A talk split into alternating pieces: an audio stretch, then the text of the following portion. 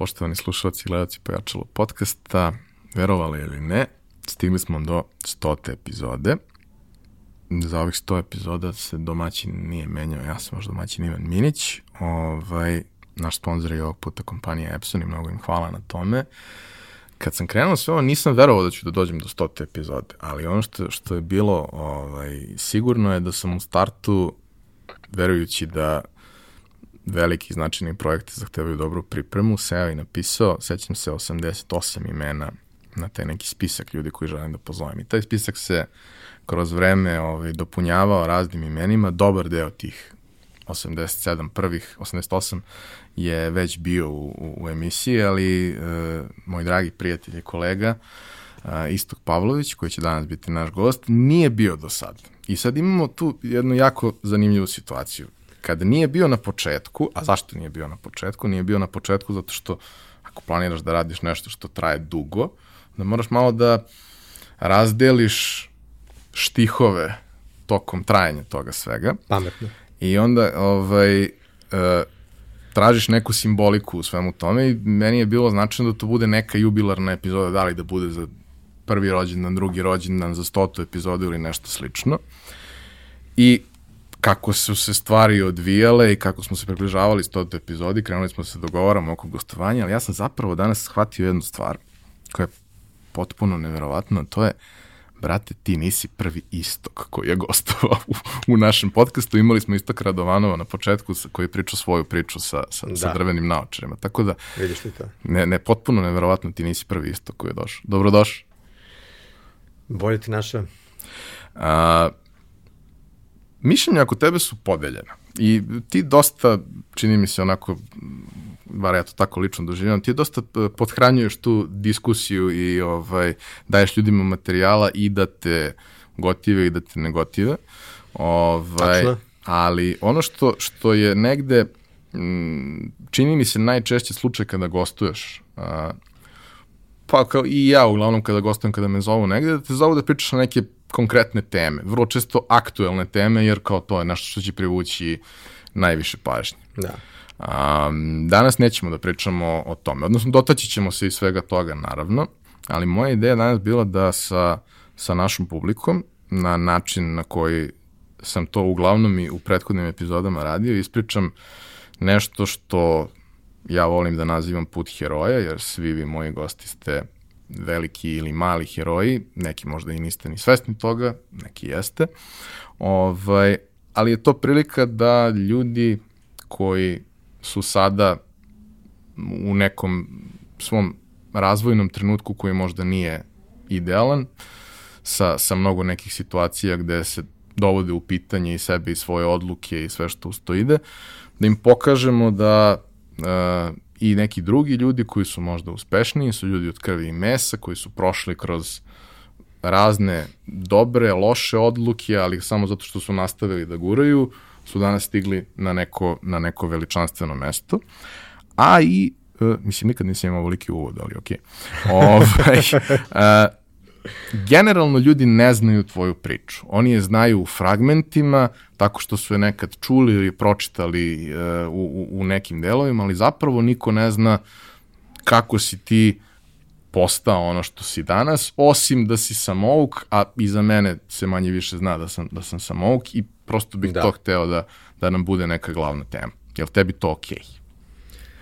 Više nego okej. Okay. E, zapravo mislim da treba da bude više ovakvih emisija gde se izvuči tako malo neki background, neka esencija od ljudi. Ove, ja lično uvek više volim da slušam uh, takve emisije, uh, tako da mislim da će biti jako interesantno da čuju. Ima stvari nekih koje, mnogo stvari koje nikad nisam ispričao nigde, jer prosto nije bilo prilike i nije bilo to nekako u tom kontekstu tada. Što si rekao, ljudi uglavnom uh, zovu i mene i druge uh, jel, sad kao, eto, desilo se sad, lupam, banovali Trumpu profil na Twitteru, šta vi mislite o tome? I sad ja kao ispričam šta mislim o tome i kao to je to, ali mnogo više volim ovako neke uh, zaokružene životne teme. Um, generalno iz tog nekog uh, mog backgrounda i, i, i tih nekih hobija i, i ljubavi prema pričanju priča uh, i sobstvenih i tuđih, yes. naročito tuđih. Tu, tu, tu, tu si ti stvarno ono, ja mislim, pionir na ovim prostorima u tom digitalnom storytellingu. Uh, da ljudi, uh, ja mislim to u marketingu pre svega najvažnije, znaš, ono što kažu copy i ne znam, kako god da se zove, ali pričanje neke priče. Uh, najbolji marketing je kada imaš neku dobru priču da ispričaš, za bilo šta. Ta, to je neko moje mišljenje. Znači. Pa najlekše se ljudi vezuju svakako za priče, ali kad imaš da. sagovornika, naročito ako imaš sagovornika koji je aktuelan, koji je mnogo puta imao prilike da, da priča i sa novinarima i sa svim ostalima, vrlo je teško dobiti intervju koji neće da bude profesionalno urađen intervju i da ti on odgovori na nekoliko pitanja.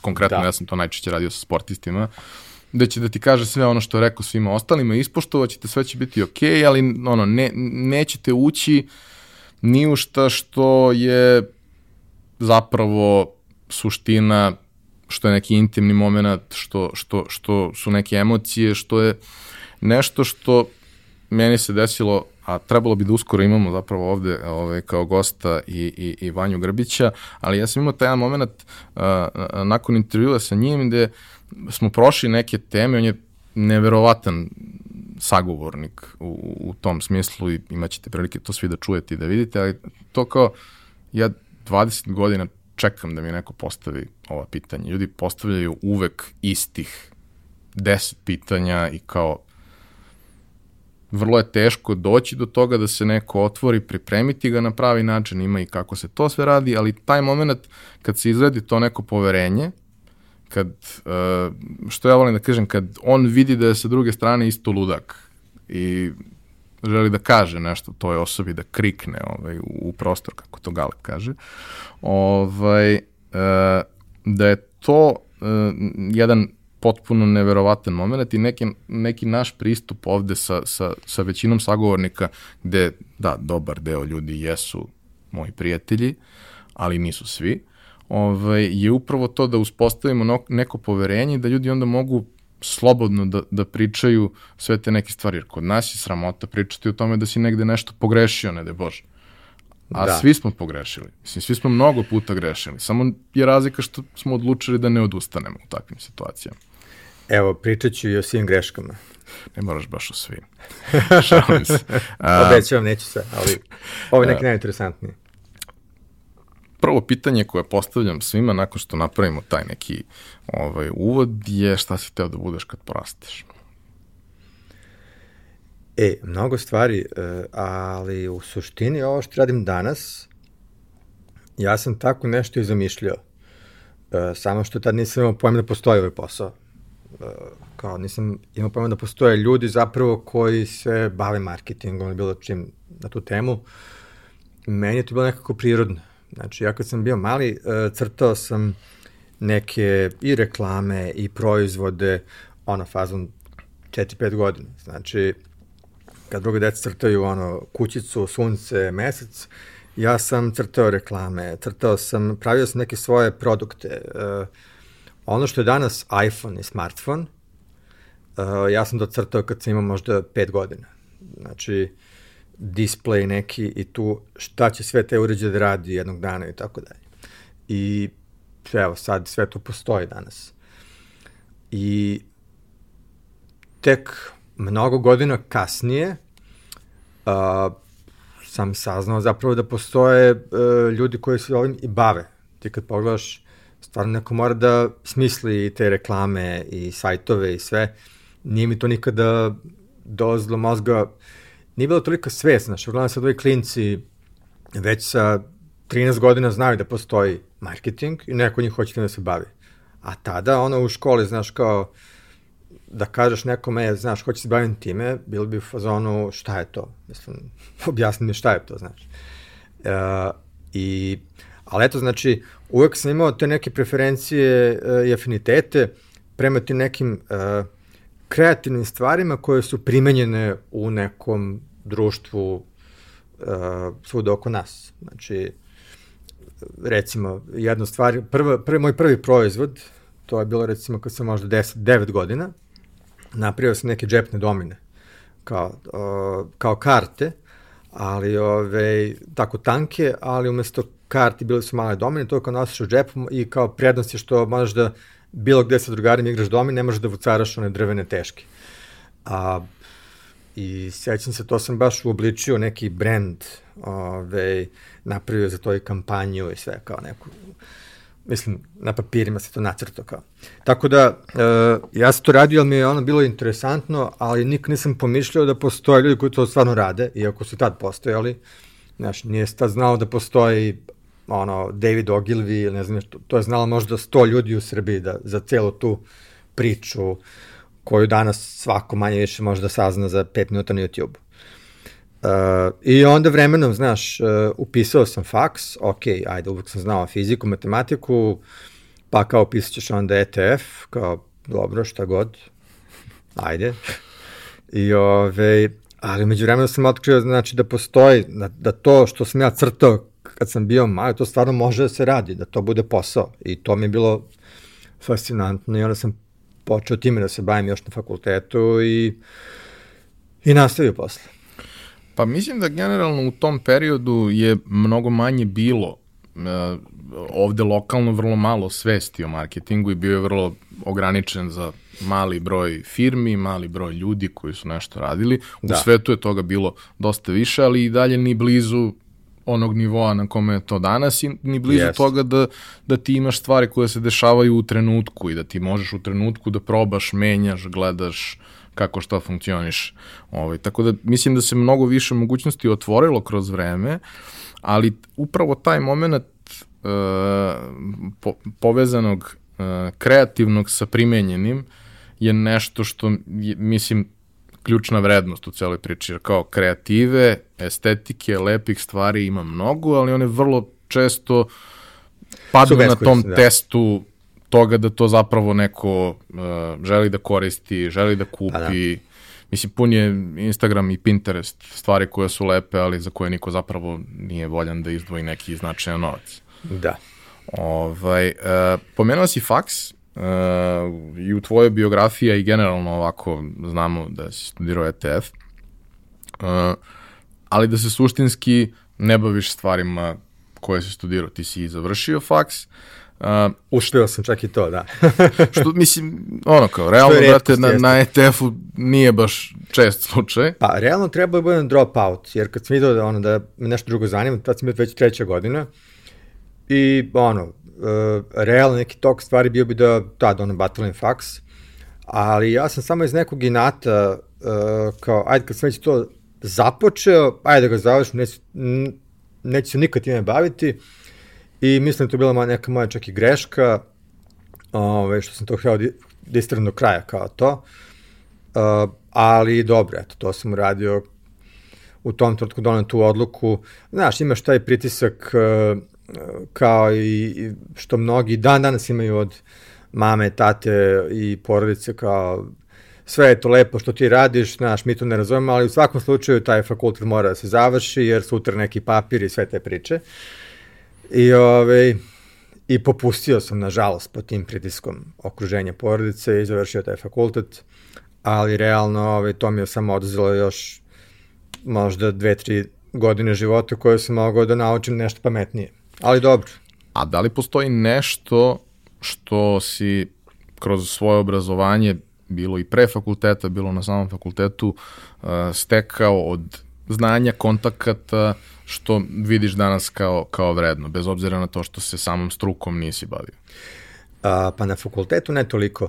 A, praktično sve od kontakata i svega što imam danas ovde u Srbiji na Balkanu, sve je krenulo od studentskog protesta 1996. godine. Ja sam tada upao u a, takozvani press centar, a, na filozofskom fakultetu, tu sam visio svaki dan i tu su se osmišljavali plakati, novine su se štampale neke studentske i tako dalje i tu sam bio deo tog kolektiva koji je osmišljavao te studentske kampanje na tom protestu. I ja sam tad prvi put u stvari došao u dodir sa ono, nekim, nekom kreativnom industrijom. A, i tu sam upoznao prve ljude koji su iz sličnog nekog sveta, neke i dizajnere i pisce i razne neke interesantne ljude i tako se meni ceo svet konačno otvorio i shiftovao i ja sam shvatio da definitivno za ove hoću time da se bavim. A, tako da sve, sve je zapravo počelo odatle, svi moji kontakti, a, pa sam onda preko tih kontakata došao a, u dodir sa marketinškim agencijama, a, konkretno a, DJ Soba recimo, on je bio moj prvi zapravo, on je čovjek koji me uveo u ovaj svet, a, jer smo se mi preko muzike upoznali. Znači, ja sam prvo ušao u muziku, pravio sam muziku, uh, neki deep house, drum and bass, takve stvari, još 96, imao sam band. I, i Coba, koji je bio DJ, se s nama družio i imao je agenciju, ima i dan danas. Coba, inače, jedan od najboljih dizajnera, ovaj, brand, šta god ljudi, malo, nema greške. I, ove, I tako ja saznam da ovaj svet, cijel svet postoji. Kad sam ja prvi put došao u marketing agenciju, kad se vide one knjige, one knjige u kojim vidiš sve one primere, one slike, kampanje, meni tu bilo ono, ok, ovo je mind blown, što bi se reklo. I ove, tako da odatle mi se sve odmotavalo dalje, u stvari. I sve je počelo od tog protesta 26. Ono što mislim da je, da je vrlo značajno i kad smo se dogovarali šta ćemo da pričamo, a mislim nismo se nešto mnogo dogovarali, spontano ćemo da pričamo nismo, kao što smo i, i, i do sad. Pre, prespremali pitanje. A. Ovaj, što, što ja mislim da je možda najveća vrednost koju, koju ljudima možemo da damo, osim te neke lične ispovesti i, i, i novih detalja koje ne znaju, je upravo to da smo i ti i ja i generalno cela naša generacija, odnosno generacija između naših, postoji razlika u godinama i sve to, ali otprilike smo u neko isto vreme odrastali, stasavali kao profesionalci, da smo svi samouki. I da smo yes. svi samouki u okolnostima u kojima je to znanje bilo daleko manje dostupno nego što je danas. Pa smo se ipak snašli. Da.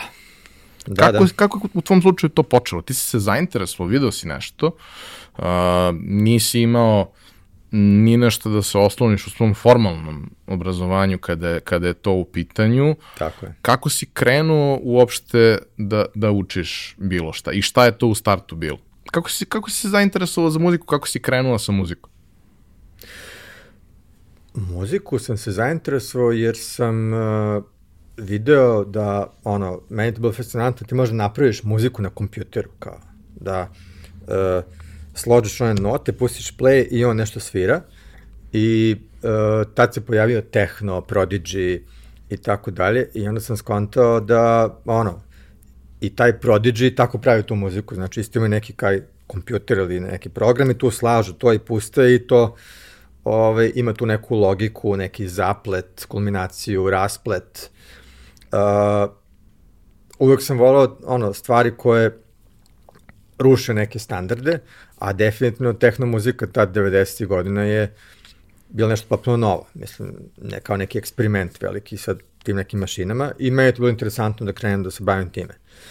Uh, I tako sam ušao u, u muziku, e sad, uh, posle uh, u, u marketing sam opet ušao a, zato što mi je to bilo u tom trenutku, znači, pojavio se uh, Macromedia Flash kao program i tad su se pojavili ti neki animirani sajtovi koji imaju animacije, muziku i tako dalje. I opet vidiš to je kao, čoveče, kako, kako se ovo radi, jer moguće da ovo postoji, znaš, kao, i ove, onda sam objasnili kao, pa to je kao neki flash, kao, to niko kod nas ne zna da radi, kao, ja ću, ja ću, ja ću prvi da naučim da radim. I Uh, Coba me je zvao, imao je nekog klijenta kome treba Flash site, ja sam taj posao prihvatio, iako ne znam Flash u tom trenutku, ali sam uh, kroz taj projekat uh, hteo da ga naučim. I tako sam krenuo sve to. Drugar i ja smo napravili taj prvi sajt neki do klijenta njihovog. Uh, I, e sad, ali kako sam naučio? Tako što, znaš, ti dobiješ specifikaciju projekta, treba nam sajt, koji ima, ne znam, takve i takve stranice, manje više, ali ne znaš kako da ga napraviš. I onda kao nema tutoriala, nema YouTube-a, godina je 1999. A imaš internet, ali nema tu tutoriala kako se šta pravi, tako da imaš samo F1 help u tom I programu. gotovo da nema videa uopšte. Videa nema uopšte, imaš neke kao forume gde ti ljudi objasne ono, pa ako hoćeš da uradiš ovo, moraš da klikneš ovde i to je sve. Uh, I onda smo mi provaljivali same, znači ono F1 help i čitaš kako taj program radi i onda skontaš, aha, Pa sad, znači, ako mi hoćemo da napravimo kad se na ovu sliku klikne, da se ona zarotira, da se čuje neka muzika i da se onda ubaci ovo, kako bi to moglo da se izvede? I onda kao lupamo glavu i smislimo nekako. Ove, ovaj, danas odeš na YouTube i nađeš rešenje za bilo šta za ono, minut, razumeš. Um, tako da bilo je, bilo je jako teško i to je bio jedan challenge. Ja mislim da sam zbog toga, zbog tog izazova bio uh, toliko između oslog motivisan da uradim nešto u situaciji u kojoj bi svako drugo rekao, ma to nema šanse.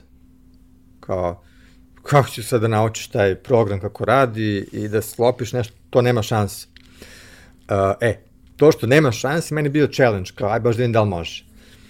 Ove, I onda me to tako motivisalo. Uh, I to sam radio dugi niz godina. Uh, uglavnom sam se pročao u gradu kao neko ko pravi takve sajtove i kad treba klijentu taj neki ono kreativan, lud sajt koji skače, svira interaktivno, ove, zovu mene. E, e sad, naravno, to je umrlo pre više od 10 godina flash sajtovi i cijela ta ideja da, da, da sajtovi treba da skaču i da sviraju i sreće zbog toga, znači ovo što imamo danas je mnogo bolje. Ove, uglavnom, negde na pola puta ja skontam da, uh, da postoji taj neki digitalni marketing kao koncept. Znači, ne ono da napraviš sajt koji skače i svira, nego da napraviš sajt koji zapravo služi da prodaje nešto, da imaš te neke sales funnele, uh, kroz neku logiku koja je sad neka biznis logika iz te kreativnosti. I meni je to opet bio novi svet koji mi se otvorio. Kao, da, čoveče, u stvari kao, pa ti sajtovi služe da kad neko dođe, da ti mu ono, daš neku priču, da ga zainteresuješ i da poželi da kupi nešto. I to mi je bilo potpuno otkrovenje. Ja sam na sajtu gledao kao nešto što treba da bude lepo dizajnirano i da lepo svira kad se klikne. Dobro, i neki sajtovi treba da budu lepo dizajnirani i ako je prezentaciona stvar... Trebaju da budu uvek, slažem se, ali ove, ja nisam uopšte znao da postoje copywriteri, recimo. Uh, I sećam se, radio sam neki projekat, da, uh, Treba da uradim sajt za, za konferenciju, za ovu, za, za sabor Guča, trubači. U Flashu kao neki animirani sajt ludilo. 2003. četvrte godine, ne znam ja koja je to bila godine. Drugi. I ove, i kao, pa imate neki, neke tekstove, kao nemamo ništa, kao. Pa šta da radim, kao, pa smisli tekstove za sajt. Ja kao, aj, dobro. I ove, A ja sam ovde znao lepo da pišem, ali nije mi dolazilo do mozga da se to primenjuje u marketingu. I ja sedim i napravim neke forice, fazone, uh, ima si celu azbuku od A do Š i onda kad klikneš na slovo uh, T, recimo, pojavi ti se truba i neka duhovita priča o trubi i tako dalje. I, ove, i naprimete sajt, pustim ove oduševljeni. Uh, kroz par dana taj sajt postane viralan i sećam se u nekoj radio emisiji, a, koja je tad bila radio emisija najpopularnija, u jutarnjem programu ta dva voditelja a, kao naletili smo na ovaj cool sajt, sad ćemo da čitamo fore sa ovog sajta i oni i, i, i ja slušam i oni cijelo jutro čitaju fore koje sam ja pisao na tom sajtu. I dolazim tamo u agenciju i svi kao, ja, ovaj sajt je pokidao, kao, pa kao, nismo znali da si ti kao i copywriter, kao. Kao šta je to copywriter? Pa kao to ti oni što piše, kao to sve, kao to mora neko da napiše. Ja kao, aha, pa ja sam mislio da to piše ko stigne, ono kao, to nije pa ni bitno. Pa u to vreme je najčešće i pisao ko stigne. Da. I, ove, i onda odem na internet kao da izgooglam kao šta je to copywriter i kao i skontam da sam ja taj copywriter u stvari, da meni to u stvari nešto naj, najpribližnije meni, ono, ja sam taj dizajn radio bilo gotivno da sklapam te animacije, ali najviše volim da pišem zapravo. I, ove, e, i tad sam krenuo da ono, dalje istražujem sve iz neke te perspektive, znači i biznis logike, i prodaje, i copywritinga, i dalje sam se razvijao uglavnom u tom pravcu u smislu profesije i marketinga. Ove, to mi je bio cijel novi svijet koji se otvorio. Mm, potpuno je fantastično i mnogo puta smo to pomenuli i ja i gosti, ovaj, da je tvoj blog uh, možda, da kažemo, jedna od prvih stvari po kojoj si ti postao uh, poznat mimo viralnih fenomena koji su se dešavali kao nešto kontinuirano.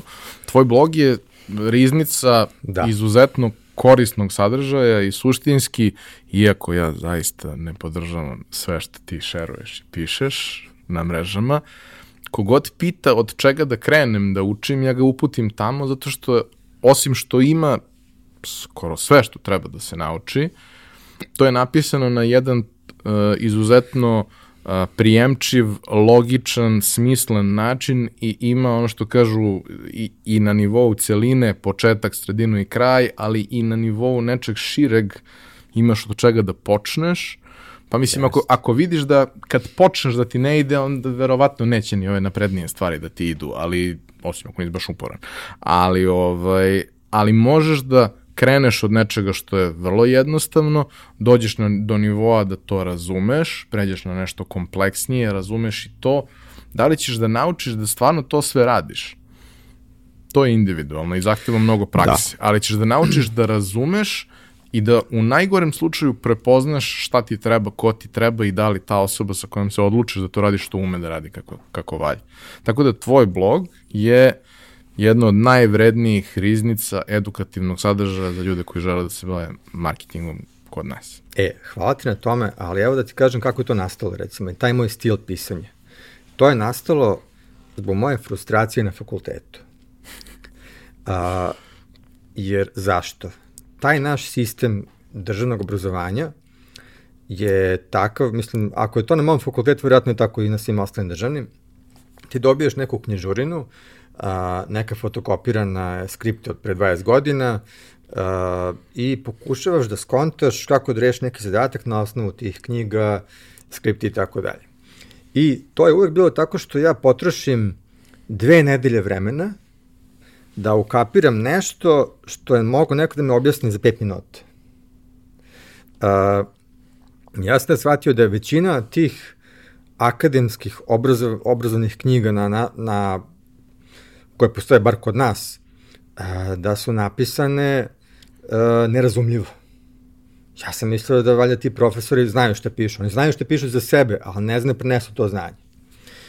I to sam vidio konstantno i ove, i onda sam skontao, ok, hajde da, da ovo što ja znam da radim, da predstavim ljudima na neki način da to mogu da razume na najbrži mogući način, kroz neke metafore, kroz neke forice, pričice. Uh, ne želim, stripove. Stripove.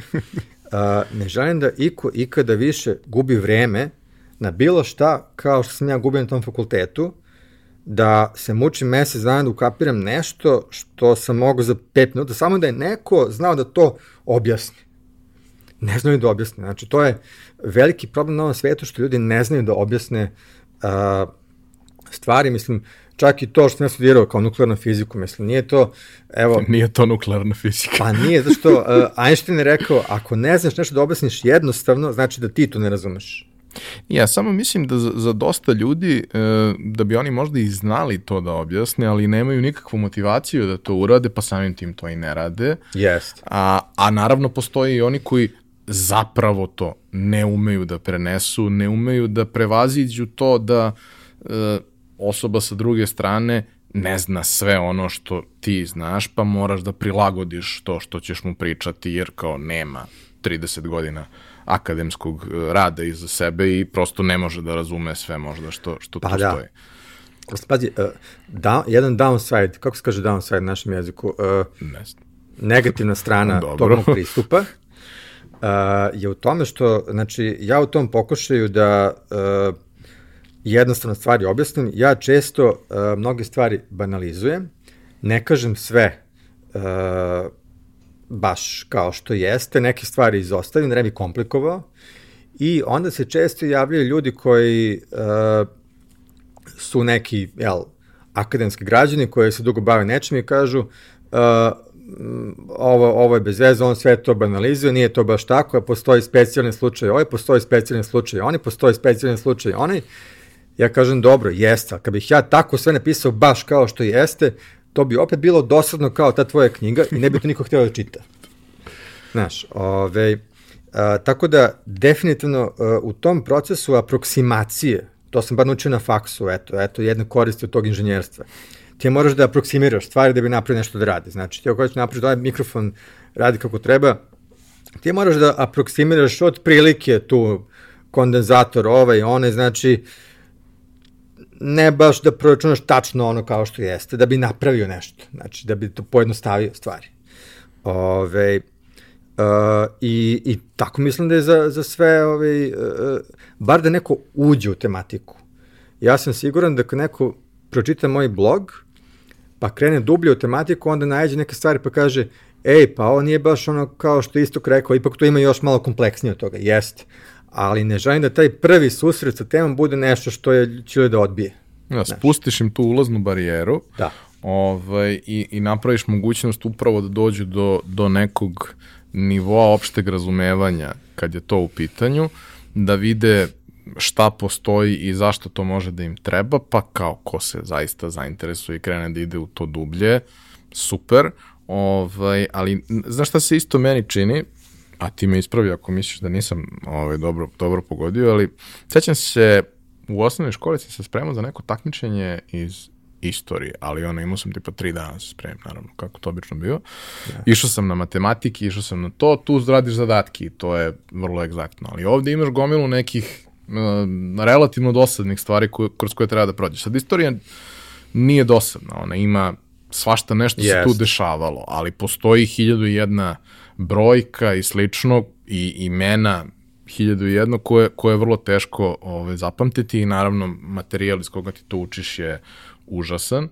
Ja sam to rešavao tako što sam pisao sebi materijal iz koga ću da učim. Čitam, po tome pišem sebi da. skriptu i po toj skripti učim i ja, posle su učili još neki ljudi ove, kad su se spremali po, po nekim od tih materijala i tu je posebno tužno što je moj rukopis bio užasan, ali šta da radimo. Ovaj, posle došao kompjuter pa nije bio toliki problem.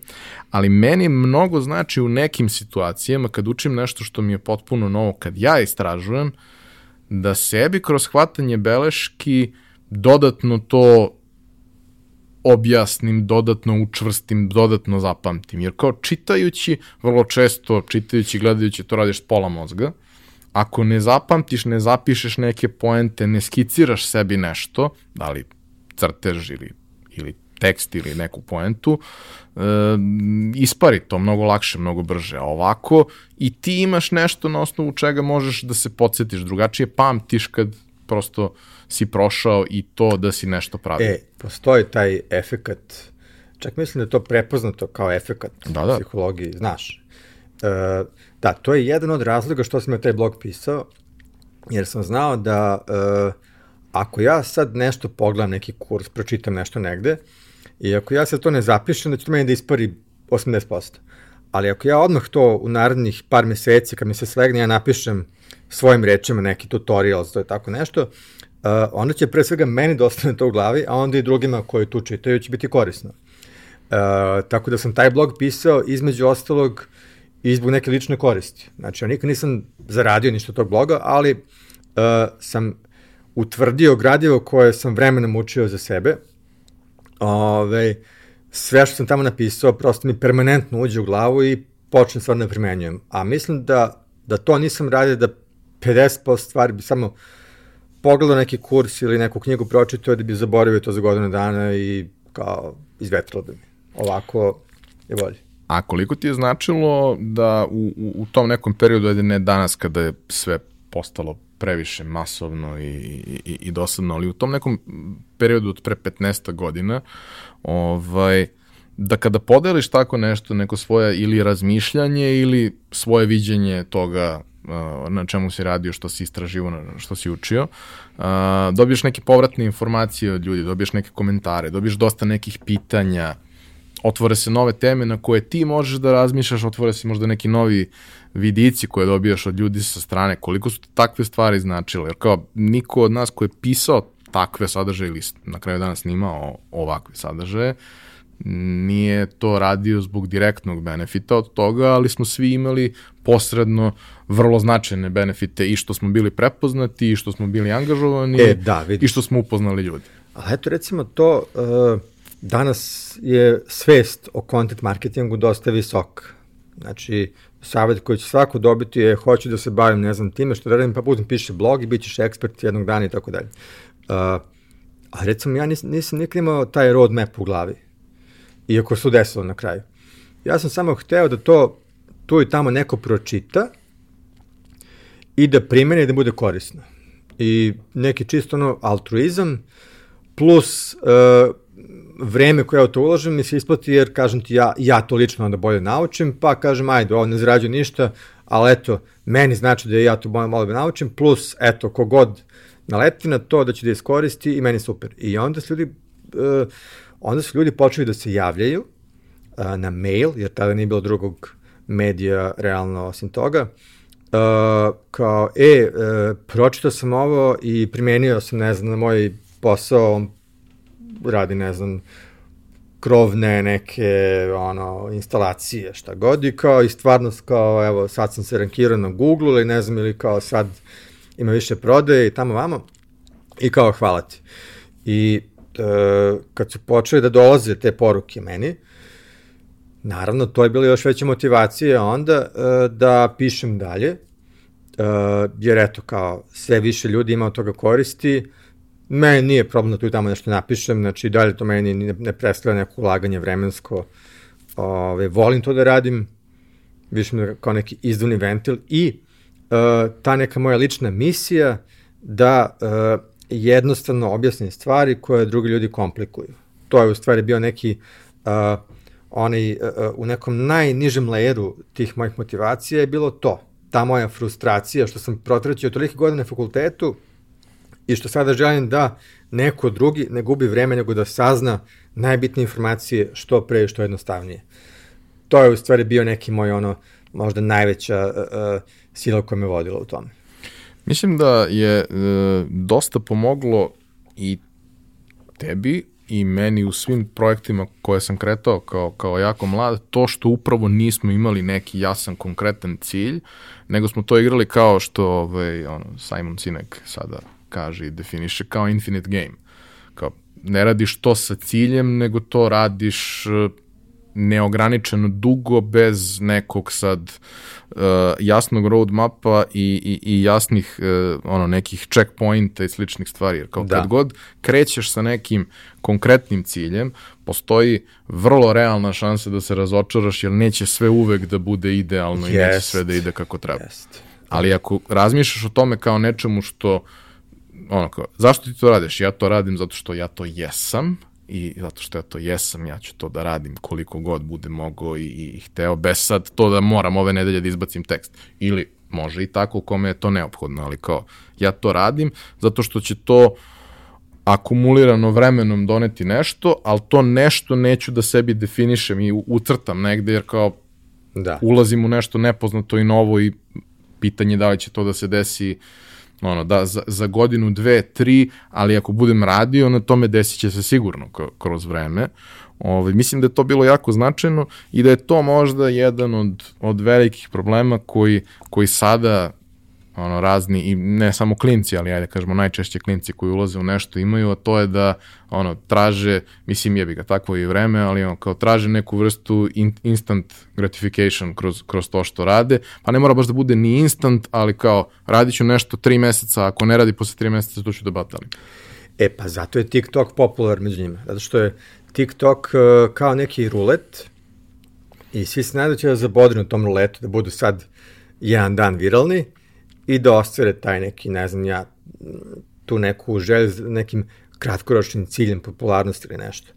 Uh, I pretvorilo se to dosta u, u jedan drugačiju sad mašineriju, znači uh, ne znam, svi, fan, svi fenomeni su sad nekako kratkotreni, ok, danas je aktuelan, na TikToku govorim, to je, to je nekoj nove generaciji danas je aktualan, sutra više nisi, uh, malo me to zabrinjava. Ove, volao bih da ostane ipak neki onako uh, mediji koji ti omogućavaju neku dugoročniju postojanost. Ne govorim sad meni i tebi, nego eto, uh, govorim baš toj generaciji tiktokerskoj, uh, znaš, kao taj instant gratification, instant uh, svajpovanje posle dve sekunde ako ti se ne sviđa video, ako ne drži pažnju, to je baš postalo malo već opasno. Da, ma mislim, e, sa, u suštini i sa relativno starim medijima kao što je YouTube, je ista situacija da, da, ti imaš, u zavisnosti toga kakav sadržaj praviš, možeš da imaš i evergreen content i da u kontinuitetu ljudi gledaju, slušaju to što si radio i tako dalje, ali u suštini platforma te konstantno gura da izbacuješ svaki dan nešto. Niko da. nije zanimljiv svaki dan. Svakako nije toliko hiljada ljudi zanimljivo svaki dan. A da. da bi dobio sve neke benefite, ono kao da bi optimizovao se najbolje moguće, ti moraš svaki dan da izbacuješ nešto po cenu da to bude da to bude bez veze. I onda da bi privukao pažnju, radiš svašta, to ima sa, sa sobom vuče ovaj, određene, određene posledice, ali kao ako želiš da, da, da jašeš na talasu fenomena, to je jedini način kako to možeš da radiš. Teško je prebaciti kod sebe. Mislim, ono, mi smo imali tu, tu priču par puta ovde ovaj, za ovih stotinak epizoda, gde je kao, dešavalo se, ne znam, ljudi provale neku epizodu i kao, ovo je mnogo dobro, kao, za, zašto više ljudi ovo ne gleda? Pa ne gleda, zato što masovne stvari najčešće nisu dobre. Ima izuzetaka, naravno, ali ti kad pogledaš šta to ima stotine, hiljada i, i, i milione pregleda i naročito ako to, to, to dešava brzo, a ne pričamo o da. muzici, nego o nečemu drugom što, što je možda, znaš, kao muziku si čekao da izađe pesma, pa je logično da bude neki pik u startu i da, da ima dobar rezultat, ali ovo ostalo kao većina stvari koje su ultramasovne nisu nužno kvalitetne. I ovo je nešto što mi sedimo, pričamo, to zahteva pažnju, možda ne 100% pažnje, ali zahteva pažnju sat, sat i yes. dva. A ljudi nemaju tu pažnju, ili ne žele da je odvoje toliko. A mislim, uh, podcast kao forma uh, uspeva recimo dosta u onim uh, oblastima gde ljudi putuju dugo na posao. Što sad imamo i mi. da. Ove, onda ne znam, znači, eto, situacije te gde se to sluša. Znači, znam da dosta ljudi sluša u teretani dok vežbaju, ja prvi, ove, da ne bih blejao prazno na traci pola sata ko budala, pustim i slušam nešto, naravno. E, tako da, ovo je pre svega jedna forma za ljude koji, e sad, to je kad ti imaš i onako sat vremena slobodno pa ćeš da pustiš, da li u kolima, u teretani, ne gde već, ovaj, a drugo za ljude koji će da odvoje za to vreme pa da slušaju, e, ti koji će da odvoje vreme, znači oni bi trebalo da onda budu neki hardcore fanovi, uh, i, a za to je potrebno vreme. Uh, svi ovi podcasti koje vidim da su globalno poznati, trebalo je vreme da se to neki slow burn tog ovaj, rasta, očigledno. Nije, nije tiktokerski kao, e, evo ga ovaj sad pop, ono što je popio sok uh, uz muziku od uh, ovaj, kako se zove beše band on, onaj uh, latino lik što je popio sok i postao viralan za mm. jedan dan. Uh, ali ono što ljudi ne znaju to je da on pre toga 200 klipova izbacio pokušavajući da viral, nijedan je upalio i taj mu je upalio. Uh, da, uz Fleetwood Mac, sad se setio. Uh, uglavnom, Uh, to je neka priča, mislim da je ovo recimo jedna slow burn priča koja je tako uh, uh, bukvalno slow burn, znači ono kao uh, kad baciš na šišu onaj ugalj od kokosa pa onako sporo gori. Uh, ajde da se vratimo na na tvoje, da kažemo, profesionalne početke. Ok, bio si uh, dečko koga zovu kad sajt treba da igra i da. kad treba da, da igra i da svira i da bude drugačiji, ali uh, šta su bile stvari koje si nakon toga radio i u kom trenutku si uh, krenuo ponovo da malo više eksperimentišeš sa nekim svojim projektima, stvarima, eks, eksperimentima? Evo ovako, znači, e, kad sam otkrio da postoji digitalni marketing, to sam otkrio tako što, ovo sam pričao, pričao već par puta, ali mogu da ponovim.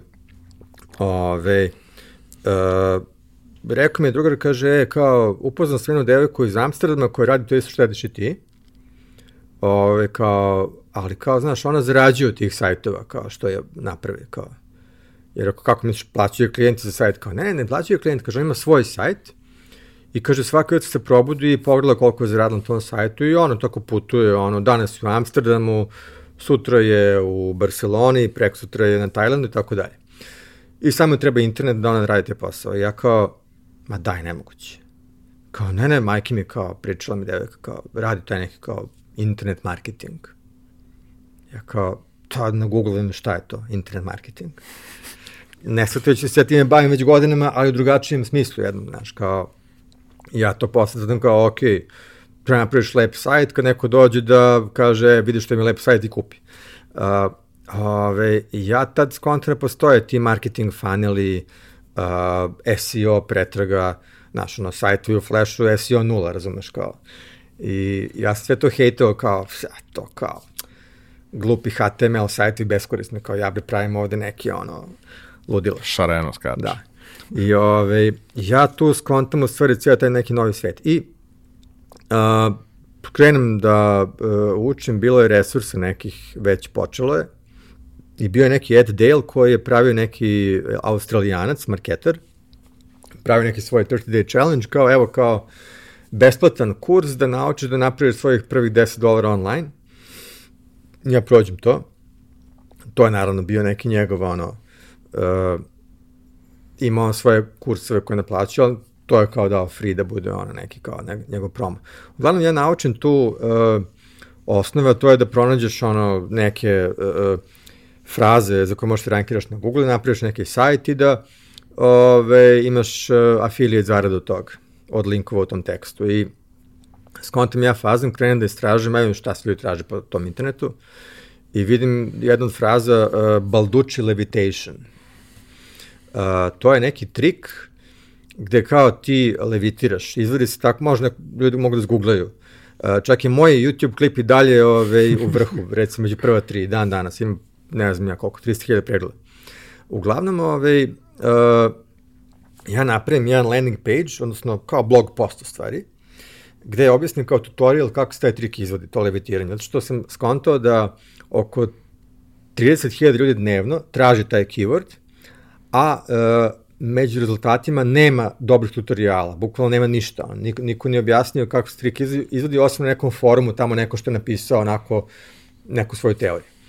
I Ove, pronađem ja uh, kako se taj trik izvodi, ja da sam to našao i napravim tutorial, napravim infografiku, napravim video gde taj trik izvodim, stavim na YouTube koji se tek tad pojavio možda. I ovo to je bilo 2005. 6. ne znam. Uh, uglavnom... Sve vreme pričamo o vremenu pre 15 godina. Da, da. 2000... To treba staviti u kontekst. Jest. I ovaj, uglavnom, taj moj sajt se u roku od par meseci rankira, ja budem drugi na Google kad neko ukuca Baluchi Levitation. Prva je Wikipedia o tom triku ko je prvi to izveo Houdini ovaj onaj, drugi je taj moj sajt. Uh, isto, znači, nisam znao ništa, ono što da, znam danas, znači, uh, da treba da staviš title koji je klikabilan, description. Ja sam to radio nekako prirodno, kao, ok, valjda tako logično.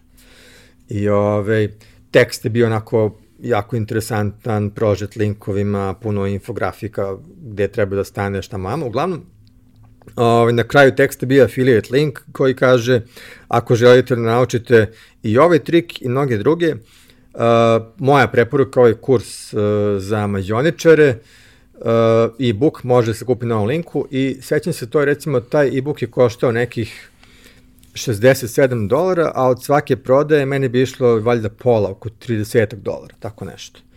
Uh, i, ove, ovaj, I kako se taj svet rankirao, meni kreće da stiže zarada i stizalo mi nekom trenutku, znači krenulo prvo 100 dolara, pa 200, pa 500, u nekom trenutku mi je stizalo oko 1000 dolara mesečno od tog sajta, koji sam realno napravio ono za dva dana posla ali mi je trebalo nekoliko meseci učenja da shvatim šta treba da uradim. Znači, ceo taj svet uopšte, keywordi, istraživanje, funneli, affiliate, a, gde, a gde, kako to kliknu, pa ko to povezuje, pa imaš tamo neki engine, pa network, pa tu nađeš šta će promovišeš. Znači, to je sve nešto što polako saznaješ, učiš na nekim forumima. Tad forumi dalje bili glavni. Mislim, za... da, da stavimo i to u, u kontekst.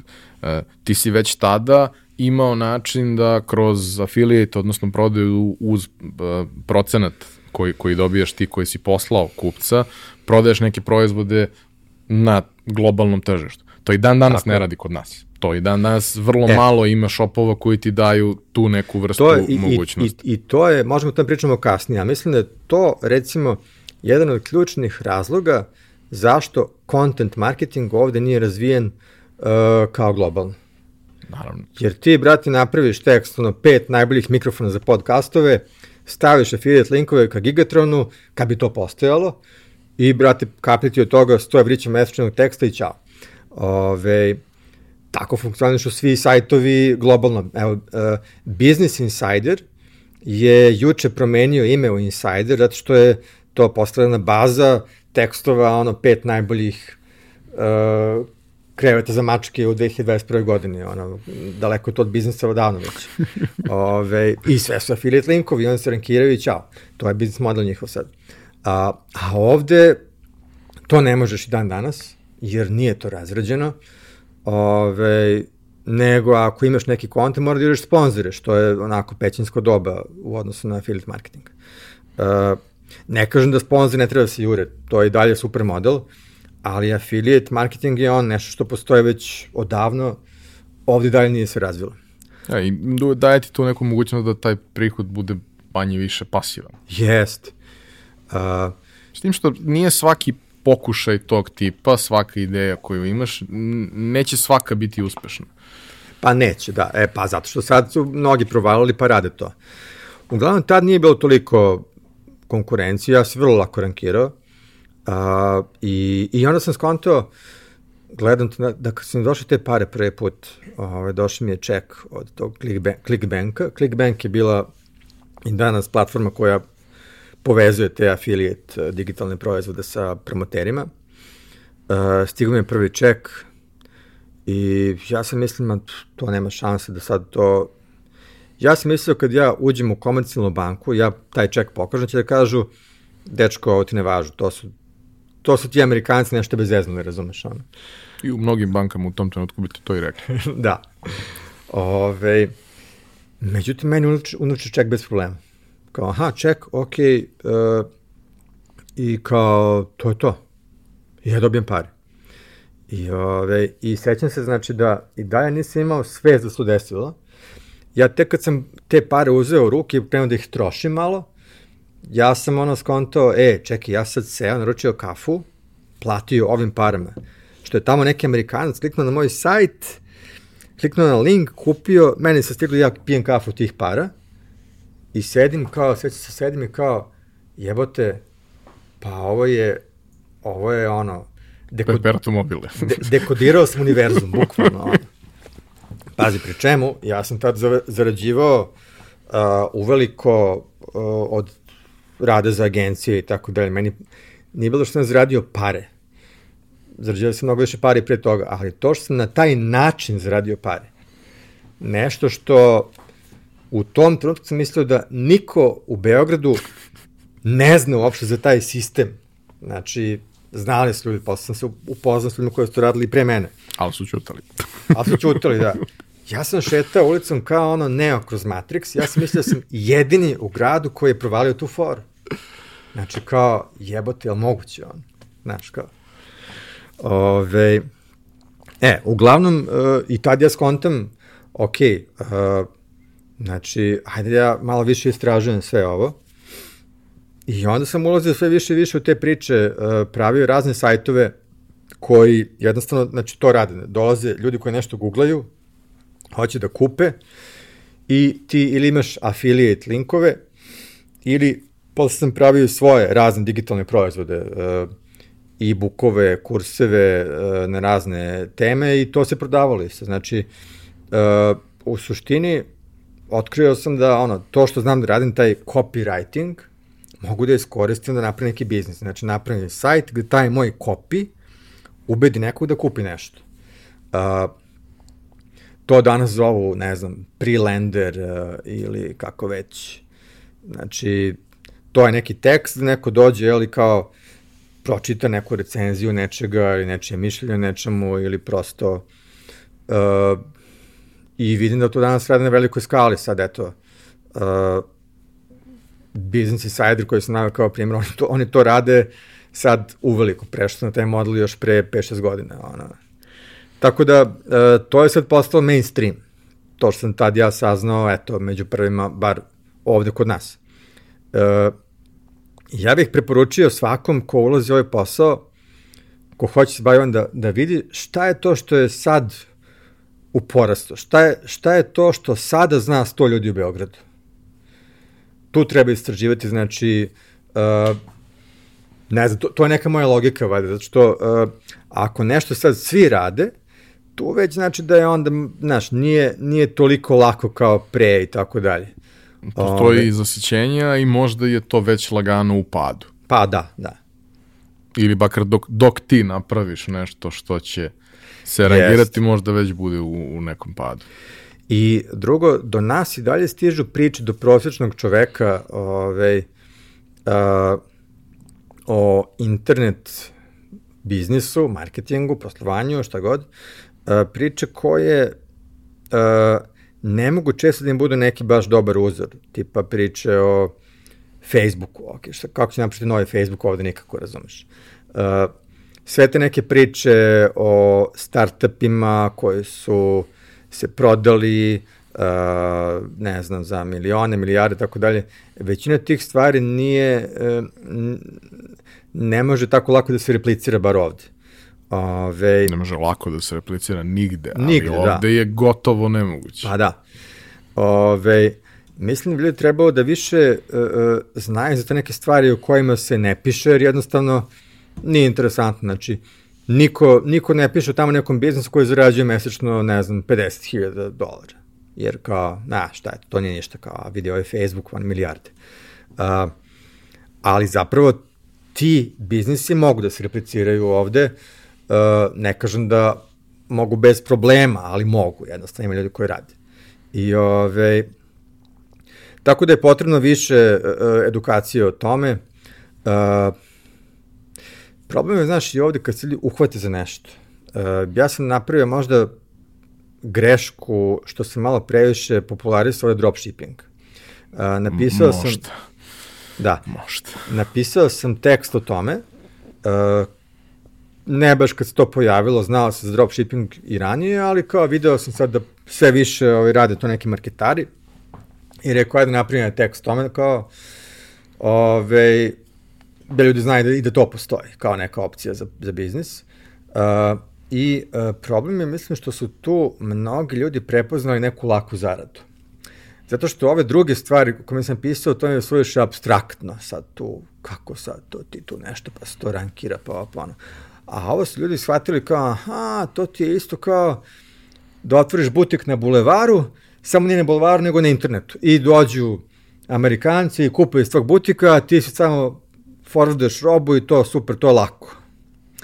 A, i, I sad se desio taj moment da mnogi ljudi koji godinama nisu se uopšte htjeli da se bavi internetom, sad ove, hoće se baviti dropshippingom jer to vide kao neku laku zaradu. Uh, I ne znam, eto, tu, tu, je, tu je taj problem, znaš, što uh, i dalje postoji na desetine, ma na stotine biznis modela drugih, ali evo, ljudi su se zalepili za taj dropshipping ovde. Ove... Dobro, da, deluje previše, previše jednostavno, ima nekih uspešnih priča, Jest. čim ima nekoliko lokalnih uspešnih priča, ljudi misle da svi mogu da budu isto tako uspešni da to sve funkcioniše a, relativno jednostavno, daš dinar, zaradiš dva i ako dovoljno mnogo toga ima, to je tako, a u suštini da. recimo kad je, kad je Ogi bio na, na početku još kad smo snimali, on je recimo isto dosta pričao o tome da jeste, super je to, poslije Aleksandar kad je bio naročito, jeste, ima to sve smisla. Ako imaš zajednicu koju nisi monetizovao, Da. imaš zajednicu ljudi koji dele neki interes, pa ti onda koristiš tu zajednicu kao bazu, Jeste. onda sve ima, mislim ne ima sve smisla, nego mnogo je jednostavnije jer imaš na čemu da se baziraš, možeš i da da, da radiš na tome da ta zajednica raste, već imaš neke ljude koji će po defaultu kupiti jer je to nešto što ih zanima ako je to u slučaju francuskih buldoga ili u slučaju bilo čega drugog, da li su ljubimci ili nešto, Da. ovaj, već imaš one koji će po defaultu kupiti, to ti daje neki zamajac da možeš da, da reinvestiraš, da širiš. E pa upravo je to bez razlika. toga, to, ti si samo jedan od 100.000 drugih ljudi koji pokušavaju da kupe za manje, a prodaju za više. Jeste. A koliko god proizvoda bilo mnogo, mislim i dalje je pool proizvoda limitiran. I, i ta analogija, opa, te analogije iz fizičkog sveta u digitalni da se bez razmišljanja e, uzimaju zdravo za gotovo su jako opasne. Na primjer, butik na bulevaru. Koliko god da je trash i da je krš i sve, neko će da prođe, neko će da uđe. Ove, I sad neko kaže, aha, pa isto tako i ovo, nema veze, nemam ja ni community, ni brand, ništa, ali neko će da kupi. Nije isto. Znači, ako, ako taj shop dropshipperski je krš i užas, neće niko da kupi. Pa za početak nije na bulevaru. E. Nije na mestu gde su već ljudi. Nije na bulevaru, i, ovaj, a da bi ga napravio da bude na bulevaru, treba da potrošiš mnogo para na Facebook traffic ili Instagram traffic i to onda bude na nekoj granici isplativosti. Uh, I često je to biznis koji zapravo ti nešto zaradiš, ali ti zapravo praviš pare Facebooku. Ti praviš realno pare Facebooku, ako si ti, ako imaš biznis gde ti potrošiš 1000 eura da bi zaradio 1100 eura, a od toga je Facebook zaradio 500 eura, ti realno praviš pare Facebooku, a obnoš za sebe neki mali procenat, ti si neki Facebookov affiliate, onda tako nešto. Ne znam, to, to je isto okej, okay. ne kažem da je to loše, nego čisto kao biznis, uh, ove, to je onako, uh, najviše tu zaradi Facebook. Pa dobro, mislim, oni su se postavili u takvu poziciju da realno kontrolišu značajan deo real estate-a za oglašavanje na, na internetu ka raznim grupama i kroz Instagram i kroz Whatsapp i kroz sam Facebook. Tako da imaju poziciju, a ti uvek možeš da tražiš svoju posetu i publiku na drugom mestu, ali verovatno Jeste. neće biti tako jednostavno i tako jeftino kao što će biti kod njih. Da, može da bude jednostavno, ali sporo. Znači, jednostavno je sporo da pišeš blog neku temu i da se rankiraš kroz godinu dana. E, ali uh, onda, uh, onda uh, tu priču ne žele da čuju svi ljudi koji su u fazonu brzog keša.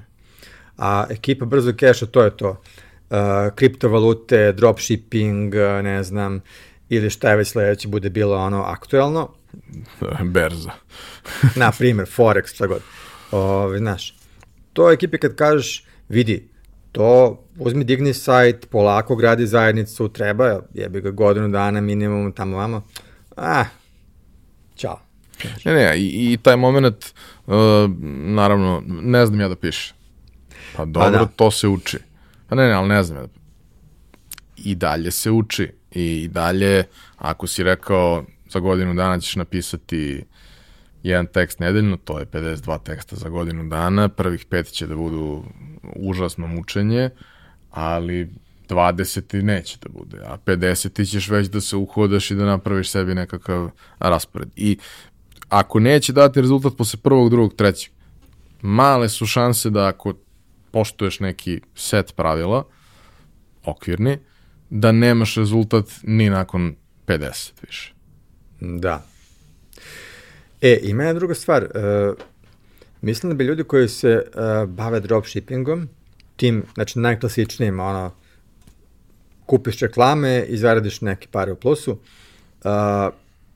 ako već dođe do toga da im to radi, da su u nekom plusu s tim biznisom, a, treba te pare koje zarade da iskoriste da naprave nešto drugo, što je neki održiviji posao.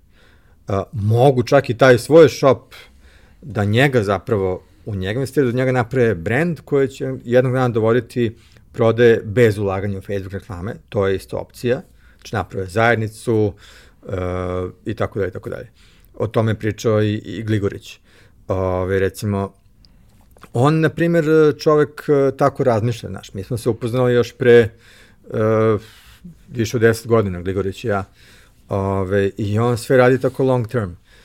Uh, tako da, i ta priča sa franskim buldozima, mislim, ne možeš sad kao ti sad digneš uh, shop za neku drugu rasu, pustiš reklame i sad kao to je to, nije. Uh, to je, uh, građenje brenda je jedan proces koji zahteva vreme. Uh, ili građenje brenda, ili građenje rank rankinga na Google, ili građenje bilo čega što je nešto stabilnije. Tako da, uh, u budućnosti ću da pazim šta, šta pišem na blogu. Pa dobro, e, ti si taj ovaj, koji, koji upali tu iskru ljudima da, da, da, da primete nešto, naravno mnogo ljudi se prima na stvari koje se dešavaju, baš pre neki dan smo nešto sedeli dole u, u restoranu i pričamo to tim nekim mentalitetskim stvarima.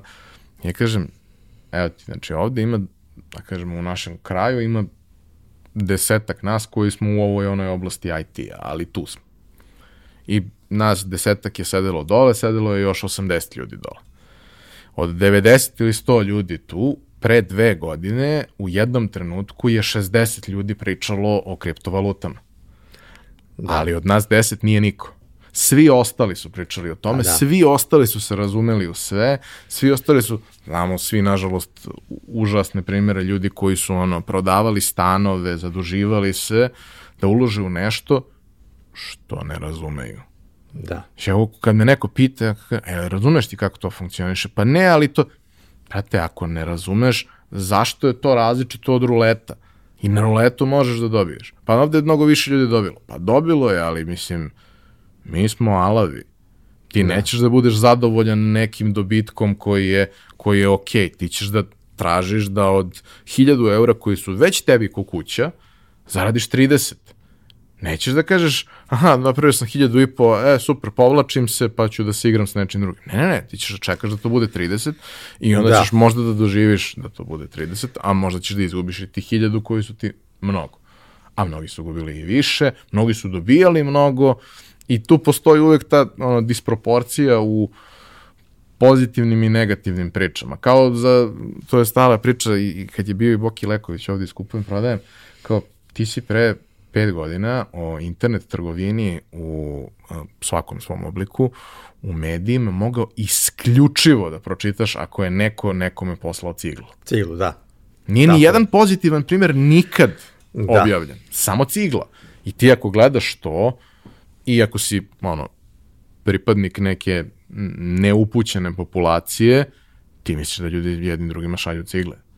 Na milion transakcija se pošalje 500 cigli sigurno, ali od milion 500 je beznačajno. Ali nema lepih da. priča, kao što ovde je bilo mnogo lepih, ali vrlo malo priča koje su neuspešne, kao što se uvek ljudi uhvate za one koji su, koji su pozitivni primjeri. Zato mi volimo ovde da da proučamo, ok, svi ljudi koji dolaze u pojačalo su uspešni u, u nečemu što rade. Ali jedna od, od vrlo značajnih komponenti je upravo da pričamo i o tome kako su failovali sa nekim stvarima. I ne žele svi da pričaju o tome, jasno je, o, o, odavde su, pa ni ne očekujem da će svi biti otvoreni da pričaju o tome, ali kao, znaš, kao, napravili smo, probali smo nešto, napravili smo pogrešnu procenu, izgubili smo neki novac koji smo zaradili na nečemu drugom, trebalo nam je vremena da se oporavimo ili mnogo više je to koštalo nego što smo mislili da će koštati.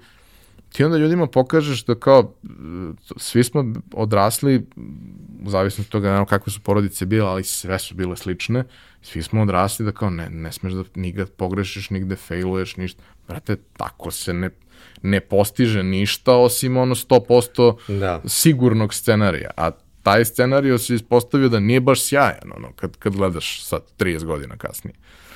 Znaš, tako da, uh, svi smo morali budemo uh, savršena deca koja nikad neće napraviti nikakav problem, nikad ništa. Ja sam sa Ćaletom najviše volao da rastavim neki, ono, sat ili radio ili nešto, sastavim ima viška delova. Ali ako radi, nema veze što ima viška delova. A kao, znaš, mene to bre zanimalo šta je unutra. Neko bi ti sad rekao da to prosto nije opcija, pokvarit ćeš, uradit ćeš nešto, dobro, kako ću da naučim ako ne pokvarim? Da. Šta si ti pokvario? E, ja sam, vidiš, to je interesantna priča zapravo, uh, sad sam se setio kad si rekao za to rastavljanje. Uh, kako sam ja zapravo završio na, na ETF-u? Ove, kad sam imao možda tako, 4-5 godina i ja sad živo u Ćupri uh, sa mamom i tatom i moj tata se brijao, imao neki brijač, on električni, uh, Brown, i, ove, i kako je stavio taj brijač gore na nekoj polici, uh, padne i raspadne se u 200 nekih sitnih, znači na sastavne delove. I Keva kao, ja, šta sad radi, ama ništa, kao, uzme džubrovnik i metlu i baci u džubre, jer ga nema dok ništa. I, ove, I oni, kad nisu gledali, ja uzmem iz tog džubreta sve te delove, odnesem ove, da s tim igram. I ja sam to jedno dva, tri sata sklapao, razumeš? Zalepio nekim celotepima, pokušavao skonti kako to radi. Sklopim ja na kraju taj aparat, dolazim do tate i kažem mu, ej, ja sam ti popravio aparat. I on se smeje kao, ma daj, kao ne mogu, znaš. Stavi go struju, pusti, radi. Sve okej. Okay. I ovi kao, wow, mi imamo ono, čudo od deteta, razumiješ? Teslu. Da. Kao, e, ti kad porasteš treba da upišeš ETF. Što je to ETF? Pa tu idu naš deca koja znaju da rade to što ti uradio. Aha, dobro, ajde, okej. I u suštini meni to ostane u glavi kao da ja to treba da upišem kad sve te škole osnovne srednje završim. I onda sam naravno kao i svi ljudi, ono, većina ljudi mladih koji ne znaju šta hoće, ove, kad sam završavao srednju, onda kao šta sad radim? E pa da, pošto sam ja popravio onaj brijač, treba upišem taj ETF. I onda kao, ok, gde je taj ETF? Aha, tu je na bulevaru, dobro, odem tamo i opišem. Uh, A tek sam neke ove svoje prave afinitete otkrio usput, jel? Ja. A, od tih nekih eksperimenata i, i, i poslovnih poduhvata, šta si failovo? Pa znaš šta, uh, mogu ti reći da uh, čitao sam jedan intervju s jednim Nemcem koji su taj neki kao serial entrepreneur, znači to je serijski preduzetnik. I on je, tu se dosta prepoznao. Ove, ovaj, on je rekao da svaku svoju ideju uh, on napravi neki MVP, znači neki minimum viable product, ove, ovaj, u što uloži jako malo energije, samo da li postoji ono, uh, da li tržište na to odreaguje dobro, znači da li postoji product market, product market fit, da se sad ne frilam terminima da kažu vidi ga ovaj opet. E, uglavnom, uh, ja sam uvek sve tako radio, ok, imam hipotezu, ajde pre nego što ja u to vučem previše ljudi i para i svega, da napravimo neku ono sklepanu verziju, samo da li to radi. Ako ne radi, probam ću da tvikujem još par stvari, par parametri, ako ni tad ne radi, očigledno, znaš, sam se zeznuo. Uh, I, i, I tako sam onda manje više sve radio. Tako da nigde nisam, nisam previše zeznuo, u smislu da čim sam vidio da nešto jednostavno neće raditi ili će biti ono natezanje i ceđenje suve drenovine godinama, ja sam onda rekao kao, ok, uh, neće ovdje ići očigledno, ajde radim što drugo. Ove, tipa, uh, bio je primer još, koja je to godina, 2007. 8. ne znam, sa dvoje partnera, hteli smo napraviti kao neke online shopove, odnosno, uh, nešto kao što je tada bilo recimo na Yahoo Small Business, znači da svako može da ima svoj online shop, kao Shopify. Eto, uh -huh. Kao Shopify, da svako može u dva klika da napravi sebi shop i, ove, i da ima plaćanje. I sad, ideja je bila kao, eto sad, kao tamo neko sa Zlatibora slika svoje pršute i ajvore, stavi, napravi shop, na on to plaća mesečno 10 evra i kao, to je neki biznis model. I uh, sve je bilo super dok nismo otišli u Intezu. da ono, vidimo kako to može se realizuje. Oni su postavili nekih milion uh, hiljada uslova, tada, mislim, danas oni imaju gateway, to je sve okej, okay, ali tada je bilo kao, o, pa ne može to, pa to ovo, to, pa mora garancija ova, garancija ona, pa ako se neko otruje te pršte, vi ste odgovorni, a onda smo mi odgovorni, pa, znači, gomila problema. I uh, ja sam vidio da to može u teoriji da se reši kroz gomilu uh, uh, drndanja i pravnika i uh, uh, razgovora koji bi trajali godinama, I samo sam rekao, ok, ne želimo da radim. Super ideja, ali postoji taj jedan faktor, to su banke. Banke nisu spremne u tom trenutku za to i... Dobro, pitanje je da li su korisnici spremni. E, to je sad drugo pitanje, da. Ove, ali eto, to, i recimo, čini sam vidio da će biti tu mnogo problema, ove, e, e, e batalio smo, ali postoje recimo ljudi koji kad vide probleme kažu, u, super problem, sad ću da ih rešavam. Uh, Ja recimo uh, volim da rešavam probleme, ali kad vidim da će biti previše nategnuto nešto, znači previše mučenja za upitne rezultate, odmah iz takvog posla uh, izlazi. Eto. Dobro, to je nešto što je, što je došlo kroz vreme i to kroz da vreme, testiraš da, da, da. i to da testiraš proizvode i ideje na, na maloj skali. Uh, Danas ima i gomila knjiga o tome i prosto e, startup sa sobom su doveli i do, do, do tih nekih razvoja metodologija koje mogu sad da se primeni na sve ostalo, ne samo na tehnološke stvari. Ali ovaj, kao što si imao primere, kao što si imao primer uh, Balducci Levitation koje, koje si pogodio, sigurno je bilo primera koje nisi pogodio, gde je delovalo da sve to ima nekog smisla, ali da zapravo nikad nije poletelo ili nikad nije poletelo na način da je se stvarno isplatilo. Da. Pa, u suštini, znači, uh, evo sad kad vratim film, bilo je, lansirali smo neke projekte, neke uh, e-bookove, sajtove, koje, ono, nije se nikad pretredno prodavalo, ove, pa isti princip, znači, probamo tu, ono, guramo dva, tri meseca, vidimo da jednostavno a, ne žele to ljudi da kupe. Bez obzira što je na sajtu sve super predstavljeno i dobar je kopi i sve, ali jednostavno a, hipoteza se pokazala kao nedovoljno isplativa. Znači, hipoteza da neko želeo da kupi baš to. Uh, iako postoji, ono, ti vidiš na, na Google, ljudi to traže. Tad sam u stvari shvatio ono što danas ljudi pričaju koji rade SEO, šta je najvažnije, znači taj search intent iza uh, internet pretrage. Znači, uh, to što neko nešto traži kao ključnu reč, uh, nije nikakav garant da to želi da kupi.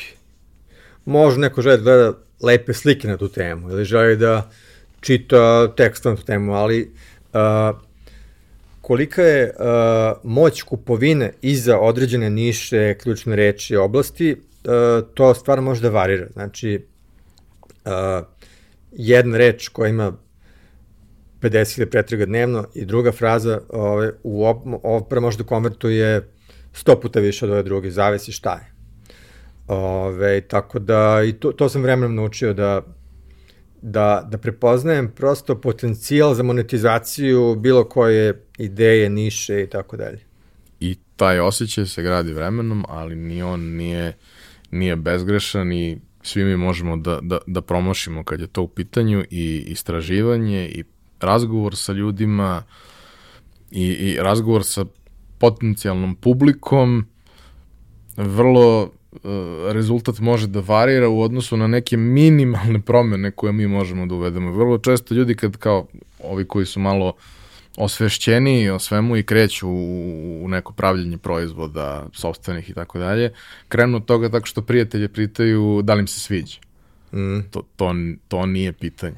Mislim, da, ima da. Albert Fitzpatrick, ovaj, njegova knjiga uh, Mom's Test, ovaj, gde kao priča o tome kako ovaj, pitaš mamu da li joj se nešto dopada i onda na osnovu toga feedbacka koji dobiješ od mame na ta neka pitanja a ista stvar i sa prijateljima, sa svim bliskim ljudima, e, donosiš odliku koja deluje ti da je utemeljena, ali zapravo suštinski se ne bazira ni na čemu. To što je neko rekao da mu se sviđa ne znači da bi dao novac. To što da. je rekao da bi dao novac ne znači da bi dao onoliko koliko bi trebalo da da za to sve. A to su sve stvari koje upravo čine da product market fit ne postoji za taj proizvod. Može da se desi da hoćete da daju mnogo više nego što si ti želeo. To je super, ali to se desi jednom u sto slučajeva. Da. Ako ti da, hoćeš da, da prodaš nešto za 1000 dinara, a oni su zainteresovani, ali su spremni da daju 200, teško ćeš ti to prodati. Tako da vrlo je, mnogo je zasićenije, sve mnogo je teže, ali to ne znači da, da, da ne treba probati, samo treba biti pažljiviji prilikom tog testiranja. Da, e sad, ima jedna bitna razlika uh, između toga kad radiš projekat uh, ovde u Srbiji i kad ga radiš globalno. Uh, to sam shvatio vremenom. A to je da uh, ti kada gađaš države u kojima je više standard, uh, postoje nešto što se zove disposable income. Uh, u prevodu na naš jezik pare za bacanje. Znači, na zapadu postoji mnogo, mnogo, mnogo više ljudi nego ovde koji imaju para za bacanje. Kad kažem para za bacanje, to oni vide nešto, iskočim nešto što nisu ni znali da im treba, ali kažu, e, pa je baš kod mogu da kupi. I kupe. Uh, ovde, zbog nižeg standarda, nema, nema toliko ljudi, ima možda u Beogradu, Novom Sadu i malo veći gradova i to je to. Ali ove, ovde reakcija ljudi na takve stvari je ono kao, ok, lepo je ovo, ali brate, ne mogu priješto sebi sad da, se, da, da kupujem ovu glupost. Uh, tako da, uh, i, i ta margin, ta, taj prostor koji postoji na globalnom tržištu, znači nešto, nije samo što je više ljudi globalno nego u Srbiji, uh, nego njihova ta kupovna moć i ta impulsivnost kupovine, da oni kažu, ok, spičit ću ja na ovo sranje 30 dolara, nema veze kao samo zato što mi je simpatično. Da, i nema, nema očekivanja na način na koje to postoji ovde. Ti ovde ako potrošiš 5000 dinara na nešto što ti ne treba, ti imaš očekivanja od toga. Da. On nema, on će dobiti, e, ok, nebitno, idemo dalje. Jeste, e, i e, mislim da je to ključna razlika. I, i onda ta činjenica e, može se skoristi, znači ljudi lup, najprostipne SAS, neki SAS software, ono kao aplikacija za editovanje slika na telefonu i ako hoćeš da imaš još 15 opcija, to ti je 5 dolara mesečno. Da, super, šta je to, 5 dolara, ok, može. Znači, uh, a ovde kao ljudi kao, ho, druže, 5 dolara, naći će besplatnu aplikaciju. Uh, I to je ta razlika. To je ta razlika, zato mislim da je globalno tržište uh, lakše ljudima prodati nešto što im uh, ne kažem, nije pretirano potrebno, ali mogli bi da žive bez toga. Ne, nice to have. Da. Nije nešto što, što je esencijalno, ali je nice to have. Ima da. mnogo više prostora, a i opet, to ne znači da su, ne znam, u toj Americi, Kanadi, Australiji, da tamo 100% uh, ljudi može to sebi da priušti. Ali nek može 10% na 300 da. miliona, to je 30 miliona. Vi, više nego ovde procentualno, da. I to je ta razlika, uh, koliko god ovde sad, da li standard u Srbiji raste ili ne, kako, ima raznih mišljenja, ali znači taj uh, disposable income koji imaju ljudi uh, je i dalje razlika među nekog zapada i, i ovde. Ove, možda li bolje žive i sve to diskutabilno, ali znači para za bacanje ovde dalje nema u tolikoj meri. I kod toliko ljudi. Da. Uh, ono što svi koji te znamo, znamo, a i oni koji te prate su verovatno do sad ovaj, skapirali, osim što voliš eh, da intrigiraš ljude i da im pritiskaš, ovaj, eh, da ih trigeruješ da, da reaguju, a, eh, mogu da primete i to da vrlo često i danas a, uhvatiš neki novi fenomen, uhvatiš neku novu oblast, nešto što ti je interesantno, istražuješ, deliš neka svoja viđenja na tu temu, kao što si to nekad radio za, za internet marketing, ima i sada toga u marketingu dosta, ovaj, ali imaju nekim najrazličitijim mogućim oblastima. E, šta su poslednjih nekoliko stvari koje su te zainteresovale? Ja sam sad fasciniran generalno videom. E, dosta učim o tome. E, iako ne izbacim da je pretirano nešto sad video kontenta, ali stvarno, uh, pratim netiju puno uh, videografera koji pokazuju na koje načine ti možeš da praviš video content, da radiš taj video storytelling i tako dalje. Ove, opremio sam se svim živim kamerama, gimbalima, e, sve meni to zabavno da ove, proučavam. E, I eto, mislim da je to jedna nova forma koju hoću malo da proučavam, da, da s tim bavim. E, zato što i kod videa je ono, ono što je najbitnije taj scenarij. E, to ljudi ovde i dalje ne razumeju dovoljno. Znači, nije sad kao, ok, imamo dronove, imamo kamere i sad, eto, kao napravit ćemo lepi video, da nam je mutno pozadi oni objektivi filmski i to je sad to. Uh, a zapravo to je ono kao pisanje bloga samo video formi. I da je taj sadržaj najvažniji, jel? Uh, I u ostalom, Akira Kurosawa je jedan fantastičan od njega citat kad je rekao da ove, da sa dobrim scenarijom, čak i prosječan režiser može napraviti dobar film, ali sa lošim scenarijom ni najbolji režiser ne može napraviti dobar film. To je, ove, to je Kurosawa rekao, on je sam dosta polagao na scenariju pre svega, on ga pamte kao režisera, on je pre svega bio scenarista čovjek. Ove, tako da, e, drago mi je što vidim da na YouTube-u je došao taj neki talas storyteller koji su skontali kako mogu da pričaju priču na taj neki uh, video način, a da bude opet dovoljno interesantna i zanimljivo kao da čitaš. Naravno, uh, treba tu sad mnogo više skillova nego samo da kucaš tekst. Treba znati sad ono, taj filmski jezik, kadriranja, uh, šta koji šta koji kadar govori, šta koji pokret kamere govori.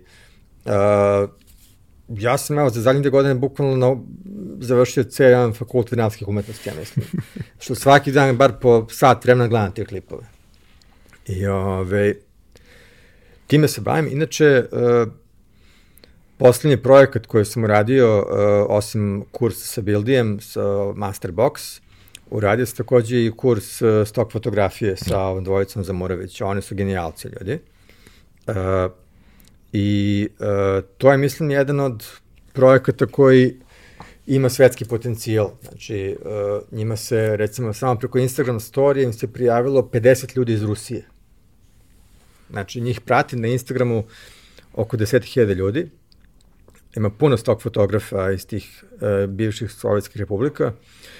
I mi smo napravili sajt na srpskom i kao bude, da bude na engleskom, pa ćemo jednog dana da ga lansiramo možda van Srbije. I, ove, i oni stavili Instagram story kako mi snijemo taj kurs, ove, kao evo, spremamo kao kurs tog fotografije i krenu se javljaju ovi Rusi kao, e, hoću ja da upišem. Mi gledamo te poruke i to nije jedan, njih ono 10, 20, 30. I ja kao, brate, daj mi da prevedemo ovo na ruski. I uh, mi kompletan kurs prevedemo na ruski jezik, uh, u smislu da videe koje smo snimali na srpskom jeziku, uh, našli smo ovde uh, ekipu koja prevodi uh, na ruski i ljudi mogu da upišu kurs i da gledaju titlove na ruskom jeziku, a oni pričaju sve na srpskom. Uh, ja sam bio skeptičan da li će to da funkcioniše, Međutim, evo, ti Rusi koji su upisali uh, kurs su prezadovoljni. I to je meni sad otvorilo jedan potpuno novi vidik, znači da ti možeš da napraviš jako dobar kurs na srpskom jeziku, da pričaš na svom jeziku, gde si konforan, gde možeš da se zezaš, da bacaš forice, ne moraš da razmišljaš ono kako se beše kaže i to. A ako je to dovoljno dobro, uh, ljudima je okay da to gledaju sa titlovima to mi je ono potpuno otkrovenje. Dobro, posebno oni koji nemaju toliki izbor na svom jeziku. Na engleskom možda ne bi bilo ok, jer imaš hiljadu i jedan kurs koji možeš da pogledaš koji je već pa, na da. prirodnom jeziku. Ali na ruskom toga verovatno nema toliko. Nema toliko, da. A posebno što oni nisu kao ni, ni ovde priče koje smo mi imali, a i njih ćemo zvati, ovaj, oni nisu klasični stok fotografi. To što oni rade je izuzetno kreativno i neobično i nalaze načine kako da yes. svakodnevna stvar izgleda dosta drugačije zato što imaju sada već, naravno prvo su imali neki talent i sve sada već imaju izgrađenu svest i iskustvo koja kaže ovo što meni izgleda ovako bi neko zapravo mogao da koristi za to, to, to i to i onda cela da, priča uh, ima smisla.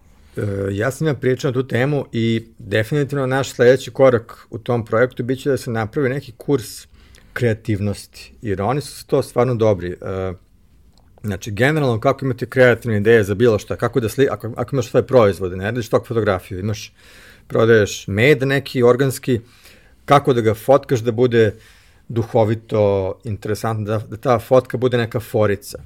Kao što uh, Slavimir Stojanović, uh, on je nominalno dizajner, on stvari baca te neke uh, grafičke forice. On je ove, za mene copywriter koji se izražava kroz vizualno. Ja, vizualni copywriter. Da. Ove, e, tako njih dvojica. I uh, mislim, zato se njihove fotke prodaju sto puta bolje na stoku, jer uh, većina fotografa ništa, samo uzmu tako dovedu svoje drugare, ti ćeš da budeš stomatolog, ti bude pacijent i sad mi, mi vas slikamo, evo imam lepo svetlo, lep bokih u pozadini, kao to je to. Oni totalno drugačije razmišljaju. Oni sve svoje fotke na stoku su slikali skoro sve uh, kit objektivom. Ono, kit objektiv, ono što fotografi kad kupe aparat baci u džubre i uzmu neki pravi objektiv. Ne, oni su sve tako slikali. Jer kao, sve mi oni flat lay, nema te dubinske oštrine i uopšte ne žele da ulaze u to kao u taj dom, nego sve mi onako kao kompozicija čista koja može da slika bilo kom objektivom, sve je ideja. I ove, i skroz jedna drugačija logika fotografije u stvari. Uh, tako da ja sam imao oduševljen, stvarno, momci su fenomenalni. I njihov setup tamo, mislim, u Zrenjinu, to je ono, njihov ceo studio štap i kana, bukvalno. Znači, oni do skoro nisu imali boom, boom stand, nego dva, ono, dva ona hamina stativa, ono, na, ove, sa sniženjem u tempu, razumeš, od 1000 dinara, pa su ih uvezali nekim selotipom kad glumim boom stand-om. Uh, mislim da taj moment uh, da se u svom pristupu razlikuješ, nam recimo dosta, dosta uh, stok fotografa koji rade neke uh, slične stvari, uglavnom imaju neke svoje stilove koje prate, ali opet kad gledaš i analiziraš to i kad pričaš sa ljudima koji su završili škole za tako da za to, e, to nije konvencionalna fotografija, to nema veze sa tim. I e, vrlo često kad pričaš sa tim ljudima, e, saznaš recimo jedan zanimljiv moment, a to je da gotovo svi oni dolaze ili iz dizajna ili iz arhitekture i oni fotkaju ono što je njima trebalo a niko da. nije mogao da im donese, jer kao ti kažeš fotografu šta da uradi i on to uradi na svoj način, a ne na način koji tebi treba. Kao znaš, treba mi fotka i ostavi mi prostor jer tu ide naslov. Ne, ne, kao te, pa ne, ne slika se tako. Pa, brate, meni to treba. Nije bitno da se slika tako. Takav je layout, tu mi treba prostor da stavim, ono, copy space ili, ili šta već. Da, da. Ljudi koji su radili kao uh, fotografi u advertisingu, imaju svest o tome, zato što je to neophodno. Da, da. Ali i oni su se verovatno batrgali neko vreme dok nisu došli do toga da prihvate da nekome treba to tako, a ne onako kako, kako si ti zamislio da to, da to mora da bude. Da, da. Uglavnom, eto, ovaj, uh, volim da radim s svakim ljudima, znaš. Uh, jednostavno, svaki projekat, pre svega je bitno s kakvim ljudima ga radiš. Ako je ekipa dobra, uh, to od toga mora da izađe nešto zanimljivo. Znaš. Uh, I Evo, recimo, ta, tako je krenuo uh, ovo što radim sa Ivanom Bildijem, ovaj uh, uh, naš online kurs, sad je to platforma Masterbox se zove, ali... Da, krenulo smo... je samo vas dvojica, u suštini sada je to mnogo sve obuhvatnije. Da, krenulo je tako što smo mi krenuli da uh, idemo uh, kroz bivšu Jugoslaviju, da držimo predavanja u Banja Luci, Sarajevu i tako dalje, tako dalje. Čisto malo da ove, uh, bilo nam dosadno, pa je malo kao da putujemo. I onda smo shvatili da postoji potencijal, a s druge strane, uh, realno, mi tamo dođemo i pokušavamo za jedan dan da im objasnimo ceo digitalni marketing. Ne baš ceo, ali sve ono što je trenutno aktualno.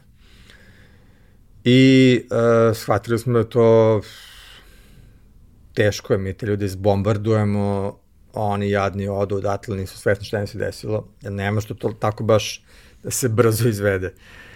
E sad, onda smo rekli, ok, uh, ajde, šta mi da napravimo online kurs, pa da mi ovo stvarno napravimo onako malo razrađenije, a onda ljudi ovi iz Banja Luke, Sarajeva, dakle god mogu da upišu i da tako gledaju uh, polako, da postupno ulaze u gradivo i da polako uče. Pa i da mogu da, da vrate uvek, kako da da nešto da vrate, nije jasno, da. pusti ponovo.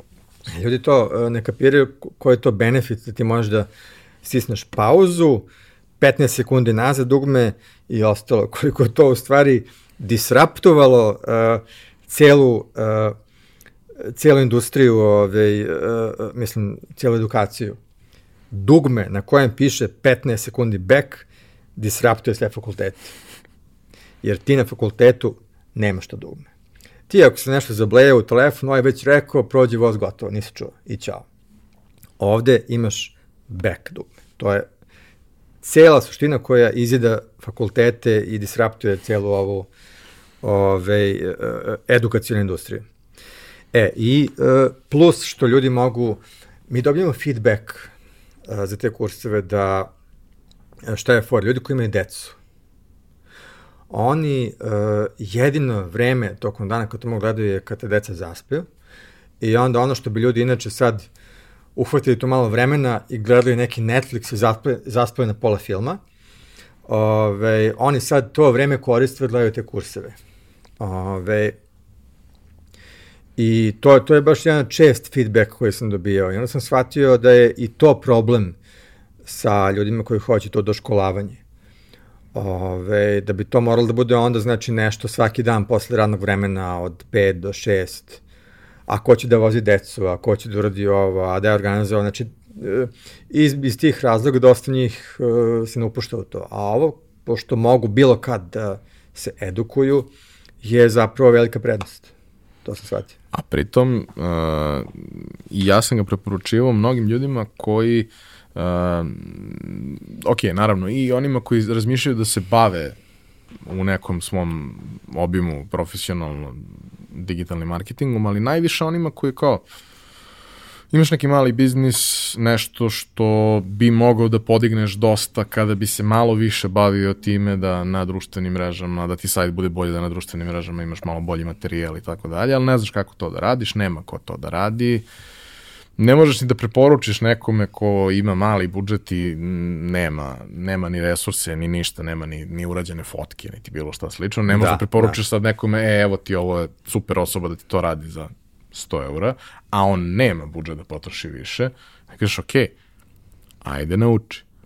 Jel nećeš ti?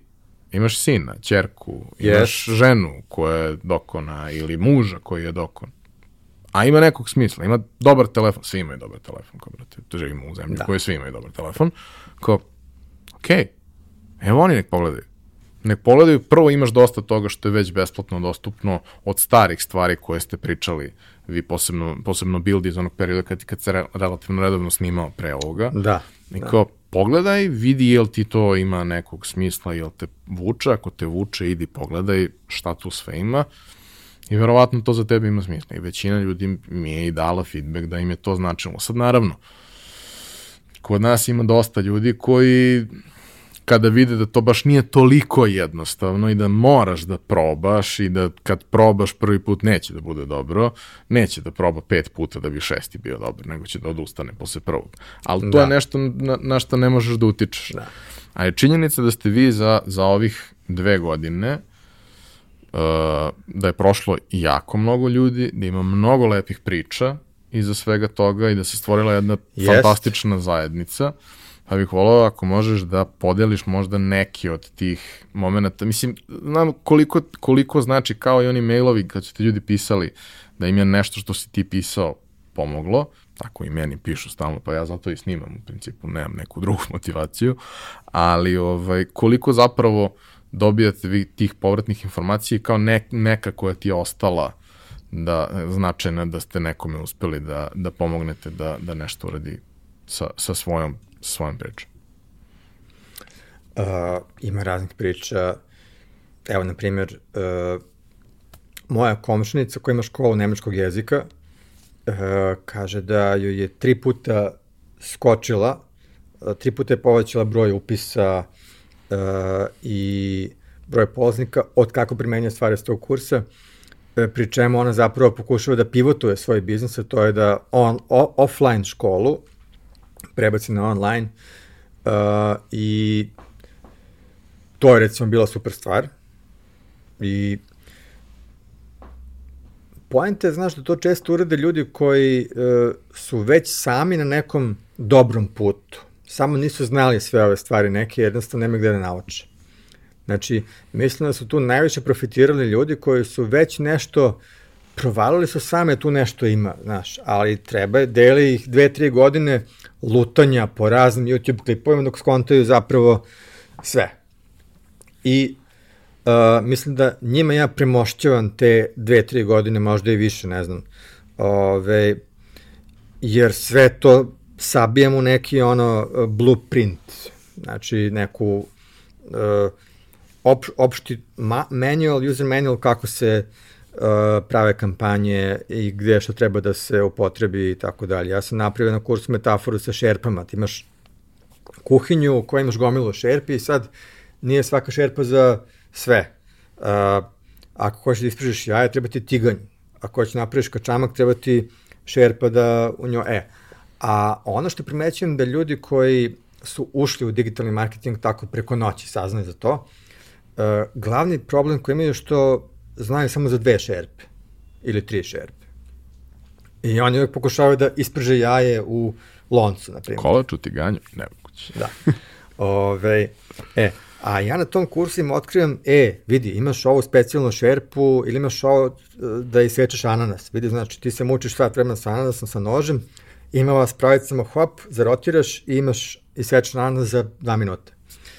I ove, e, to je, to je možda najveći benefit koji dobijam kao feedback, da se ljudima otvaraju vidici neki koji nisu imali. Nažalost, uh, veliki broj ljudi ovde uh, koji su ušli taj neki small business digital, znaju samo za Instagram. To je recimo problem broj 1. I onda dođu mi na taj kurs ljudi koji znaju samo za Instagram, znaju samo da postavljaju storije, ništa drugo ne znam marketinga, i tu saznaju zapravo za sve druge stvari osim Instagrama i to im otvori cijela novi svet. Uh, to je recimo naj, najčešći slučaj, najčešći feedback koji sam dobio. I od tad sam počeo da hejtujem Instagram, jer sam shvatio koliko ljudi zapravo uh, ono, uh, misle da je to jedino, a u stvari to je samo jedan od kanala, mislim, koji, koji je okay, ali sam po sebi nije dovoljan. Ove, tako da, uh, najčešći feedback je to da, da ljudi naravno uh, primene, dobiju rezultat, ali da im proširim te vidike, da im uh, pokažem stvari za koje nisam znali da postoje uopšte. Mislim da, da je dosta bitan taj moment da se to pojednostavi, da se učini premenjivim tako da sad ti kažeš ok, treba pripremiti vizual za, za objavu, da brate možeš da uzmeš i design studio koji će to da ti uradi, ali postoji ovih nekoliko uh, trikova, kako to možda uradiš, jednostavno neće da bude isto kao da ga je radio studio, ali će da bude dovoljno dobro, pa ti kad napraviš od svog biznisa da poraste puta 10, ti onda uzmi studio, pa to nije problem. To kaže, da.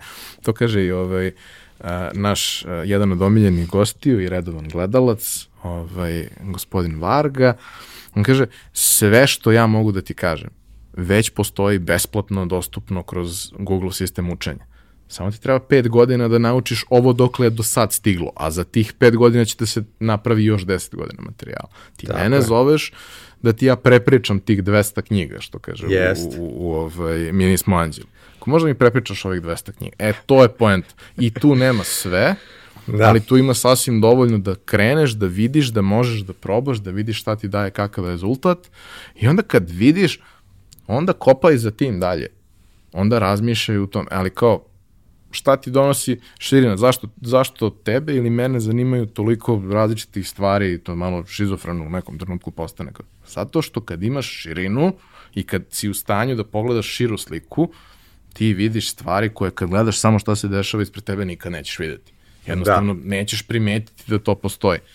Znaš, kao ono, jel vi znate šta vaši korisnici misle o vama? Znamo. A jel stvarno znate ili mislite da znate? Ne, ne znam. Ne znate, pitajte. I onda kad pitaš, a ljude je sramota da pitaju, shvatiš da to možda nije baš isto onako kako, kako ti misliš da, da, da jeste.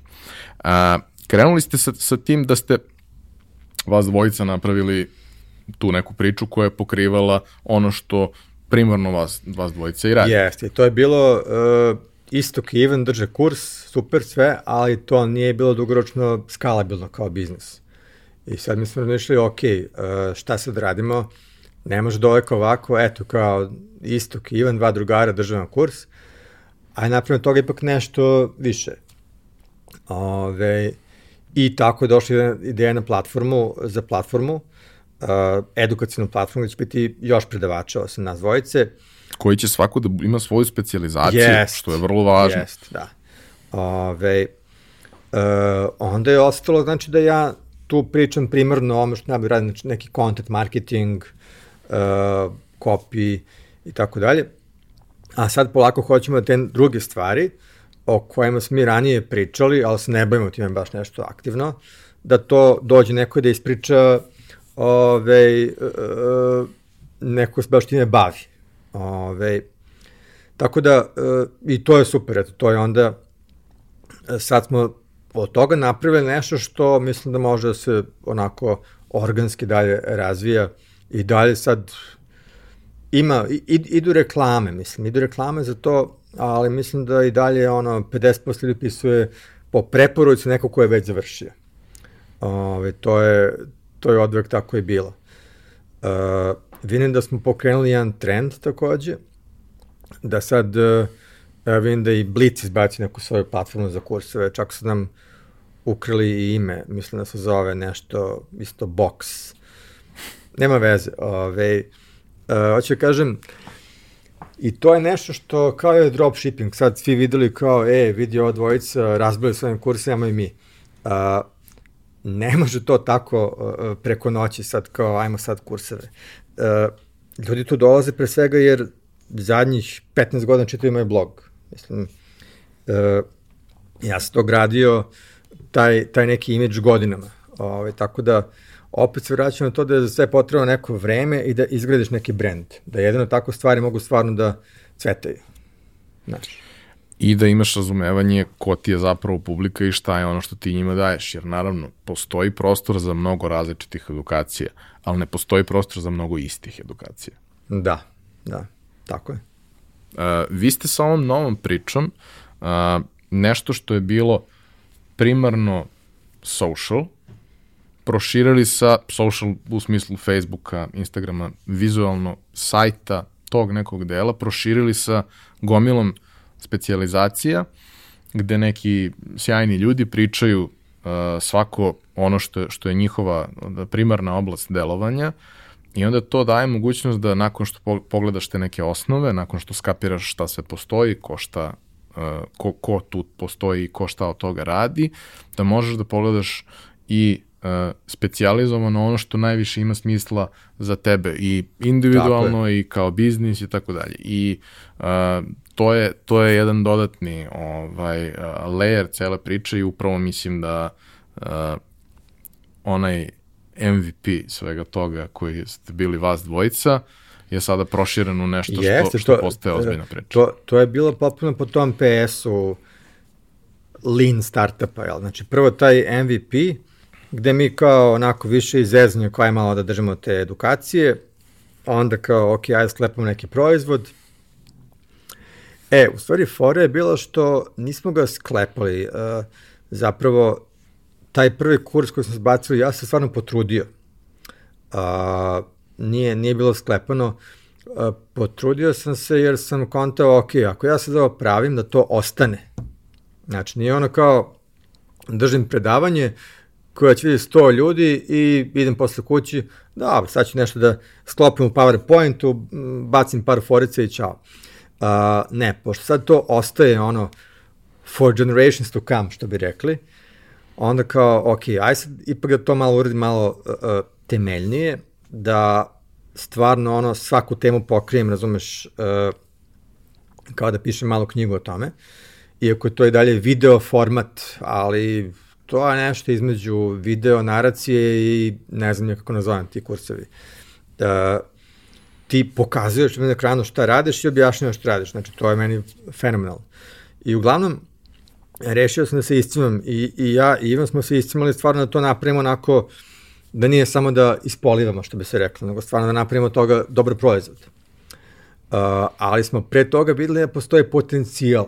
Zato smo videli da, ok, ajde sad stvarno da uvodimo kako treba. Uh, tako da jeste, bio je MVP, ali posle stvarno to već bio onako malo ozbiljniji proizvod i uh, ja sam inače, mislim, ja sam fokusiran najviše na proizvod. Ja sam ono što kaže, postoji podela, ona da li si product guy ili si, ima neke tri podele, zaboravio sam. Steve Jobs bio taj product guy, ja sam taj product guy, znači uh, najviše volim moj marketing tako što pravim proizvod koji je sam po sebi viralan i marketabilan, što je ispalo sa ovim kursom. Ove, tako da, uh, i, i sada najveći deo svog vremena posvećujem usavršavanju tog našeg proizvoda i dalje dodajem nove lekcije na, te, na taj kurs, uh, nalazimo nove predavače koji će da rade razne stvari. Evo sad uh, Ivan Ćosić uh, treba da završi ovaj, uh, ilustrator, biće posle njega vratno InDesign, pošto je on za to čovjek stvarno kida. Tako da, uh, eto, to je, to je neki, opet, posao, ispalo je na kraju posao, krenulo je kao, eto, kao druženje. Dobro, to je jedan posao koji ima uh, jako veliki društveni uticaj u, u, u najmanju ruku. Vi ste napravili to tako da ja stvarno smatram, ok, ovo sedimo, pričamo, prijatelji smo, sve to u redu, to je razgovor između nas dvojice i to je nešto što svakome treba da bude besplatno dostupno, ako smo ja i ti sa tim da sedimo i ok sa tim da sedimo i pričamo. Ali taj deo učenja, to je prosto nešto što treba da se plati i mora da se plati, jer da. je to nečije vreme koje je posvećeno. E, vi ste uspeli to da napravite na način upravo optimizujući sve u startu, da vam to ne bude preveliki effort, odnosno jeste on veliki effort u pripremi, ali onda po korisniku više nije toliko veliki effort i onda to možeš da ponudiš po nekoj ceni koja nije toliko velika da, da, da nekome predstavlja problem. Jer ima da. sjajnih edukacija, fantastičnih edukacija koje su nedostupne ljudima koji, koji žele da, da, da nešto pokušaju, da negde eksperimentišu, da vide da li to za njih ima smisla i tako dalje. Ovo je, mislim, baš pogodilo sweet spot što se toga tiče. E, i uh, jedna stvar koju bih tu volao u budućnosti da pazim, Ivan i ja smo pričali o tome, znači ne želimo da to pošto sad to dolazi među široke narodne mase, opisuju ljudi koji nemaju blage veze s tim stvarima, neka ih, mislim, treba da, da nauči sve to, ali uh, pazimo da to, da ne damo preveljaki gaz, da to ne postane neću da imenujem, ali kao svi znamo na šta mislimo, kao neke druge institucije koje su toga napravili neki fast food za edukaciju i gde ljudi dobiju nek, na kraju neki papir koji kad poslodavac vidi samo baci taj papir u džubri, ne zove ga više nikad na razgovor. Mislim, to, uh, to ne želimo da bude i zbog toga nam je rast malo možda sporiji, ove, ali se stvarno biramo koga ćemo tu pozvati kao predavače, i želimo da ljudi stvarno imaju od toga vrednost da nauče. Nismo još smislili način neki da sad da izdajemo neke sertifikovane diplome. To je možda neki sledeći korak. Da e, položeš neki test ili nešto i da dobiješ papir na kojem piše, e, ovaj nije samo oslušao, nego smo mi proverili i stvarno zna da primeni to to je, to je sad jedna ključna razlika koja treba da se napravi, zato što ako to ne uradimo, bit će sve više ljudi koji će samo da dođu na razgovor za posao i kaže ja sam kod njih slušao, a nemaju pojma. I onda vremenom ljudi kažu pa ovi samo proizvode neke nemače pojma i to se devalvira tako. Znači moramo svi samo način da uh, sertifikujemo da ljudi stvarno znaju to ove, što su tu naučili, da primenjuju i da to bude onda neki reper za poslodavce i tako dalje. Dobro, dobro. Uh, pričamo skoro dva sata, nećemo pričamo više, pričat ćemo možda neki naredni put ponovo, ja mislim da je sasvim ok za, za stotu epizodu da, da ispričamo ovo što smo, što smo do sad rekli. A, svi koji imate neke komentare, pitanja i slično, imate za to ovaj, adekvatna polja ovaj, na, na društvenim mrežama, pa ih ostavite, pa će to biti materijal za, za, za neko naredno viđenje. Ne znam da li ćemo čekamo 200 tu, ali dogovorit ćemo se, se već. A, da li imaš nešto čime bi hteo da, da, da zaključimo ovaj razgovor, kao neku poruku ili neki savet a, ljudima koji su ovo slušali, interesantan im je tvoj puta i moje prilično sličana i dosta ljudi koji su bili imaju zajedničkih tačaka na tom putu sa, sa nama dvojicom. Uh, šta bi rekao nekome ko je ono, jevi ga, odavde je, stegnut je, nije siguran šta da radi, kako da krene, ali ima volju, ima želju, samo mu je problem da, da, da se natera da nešto proba. A, teško. Volim ja ponekad. Da, ali evo, sad broj jedan je da možda ipak zaobiđu dropshipping. da za početak probaju nešto drugo. Stepen razočarenja u taj pokušaj dropshippinga je dosta veliki. Uh, ali može i to, naravno, ne kažem da neće neko da ove, odlačno bilo čega, ali možda da probaju ljudi da uh, da dignu sajt na neku temu i da krenu da pišu, da rankiraju to na Google-u i da naprave ono, magazin, blog, kako god se zove, ili YouTube kanal o nečemu i da probaju uh, u narednih 6 godina dana tu da naprave neku publiku, neku zajednicu koja se okuplja oko neke teme. Čak možda bolje YouTube u, u ovom trenutku, ako ćemo da gledamo zavisi od teme, naravno, ali u svakom slučaju uh, savet ljudima je da ne ulaze u te uh, priče sa brzom lovom i ostalo, nego da u ovaj posao probaju da uđu tako što rade nešto gde će videti neki dugoročni rezultat uh, i pričao sam već ranije uh, šta je to što u ovom trenutku zna 100 ljudi u Beogradu da postoji. Takve stvari treba naći. Uh, mislim, kako treba uh, pratiti uh, pre svega Reddit, najbolji sajt koji postoje po mišljenju. Ove, biti u toku, a, pratiti prosto šta se sve dešava u kojim oblastima i šta se može da se radi a, i što pre probati nešto, videti neki rezultat.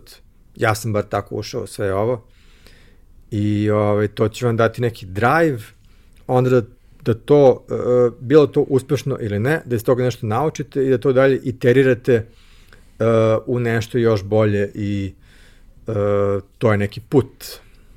I voleo bih da pričamo dalje u nekoj narednih emisija, ima tu još sigurno masa tema koje nismo pokrili i ja treba napišem na blogu sigurno još jedno 100 tekstova koji čekaju i tako. Uh, ima taj jedan moment gde kao sedneš i pričaš sa, sa ljudima koji su probali nešto i, i to im nije pošlo za rukom. Nažalost ima mnogo takvih pokušaja, imao sam ih i ja i tako dalje i kao evo ja sam probao to, ja sam probao da se snimam na neku temu i e, dva meseca kasnije nemam nikakav rezultat, samo sam izgubio vreme i tako dalje. Ja gledam, pa nisi. Pa kako to misliš? Pa naučio si da snimaš. Da. I naučio si da montiraš. I naučio si da ubacuješ neke stvari u, u montaži, da uradiš neku elementarnu grafiku i to sve. To je sasvim okej. Okay. Jest. Znaš kao, nisi, nije potpuno bačeno vreme. Sad možda ta priča nije prošla, možda će neka druga proći.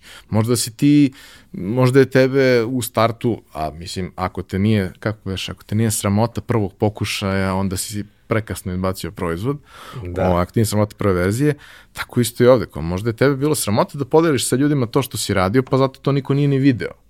Uh, ok da, da, da prva epizoda nečega ne bude dobra, kao brate, prva epizoda pojačala je i meni i gostima bilo izuzetno traumatično iskustvo, ali stota epizoda ili 90. ili 70. mi sedimo i pričamo. I mislim, za prvu sam se pripremao tri dana i bilo je loše, za ovu smo sedeli i pričali o potpuno desetoj temi i sad ćemo da imamo na ručak i kao ne, nema pripreme, brate, sedimo, pričamo. Nema. To je to. Ovaj, I to je to. I pošto je to to, Ajde na tome da zaključimo, da se zahvalimo našim partnerima iz Epsona što nas podržavaju, vama što nas slušate, kao i do sad, sve svoje predloge, sugestije, ideje ostavite u komentarima, a mi se čujemo i vidimo sledeće nedelje. Ćao.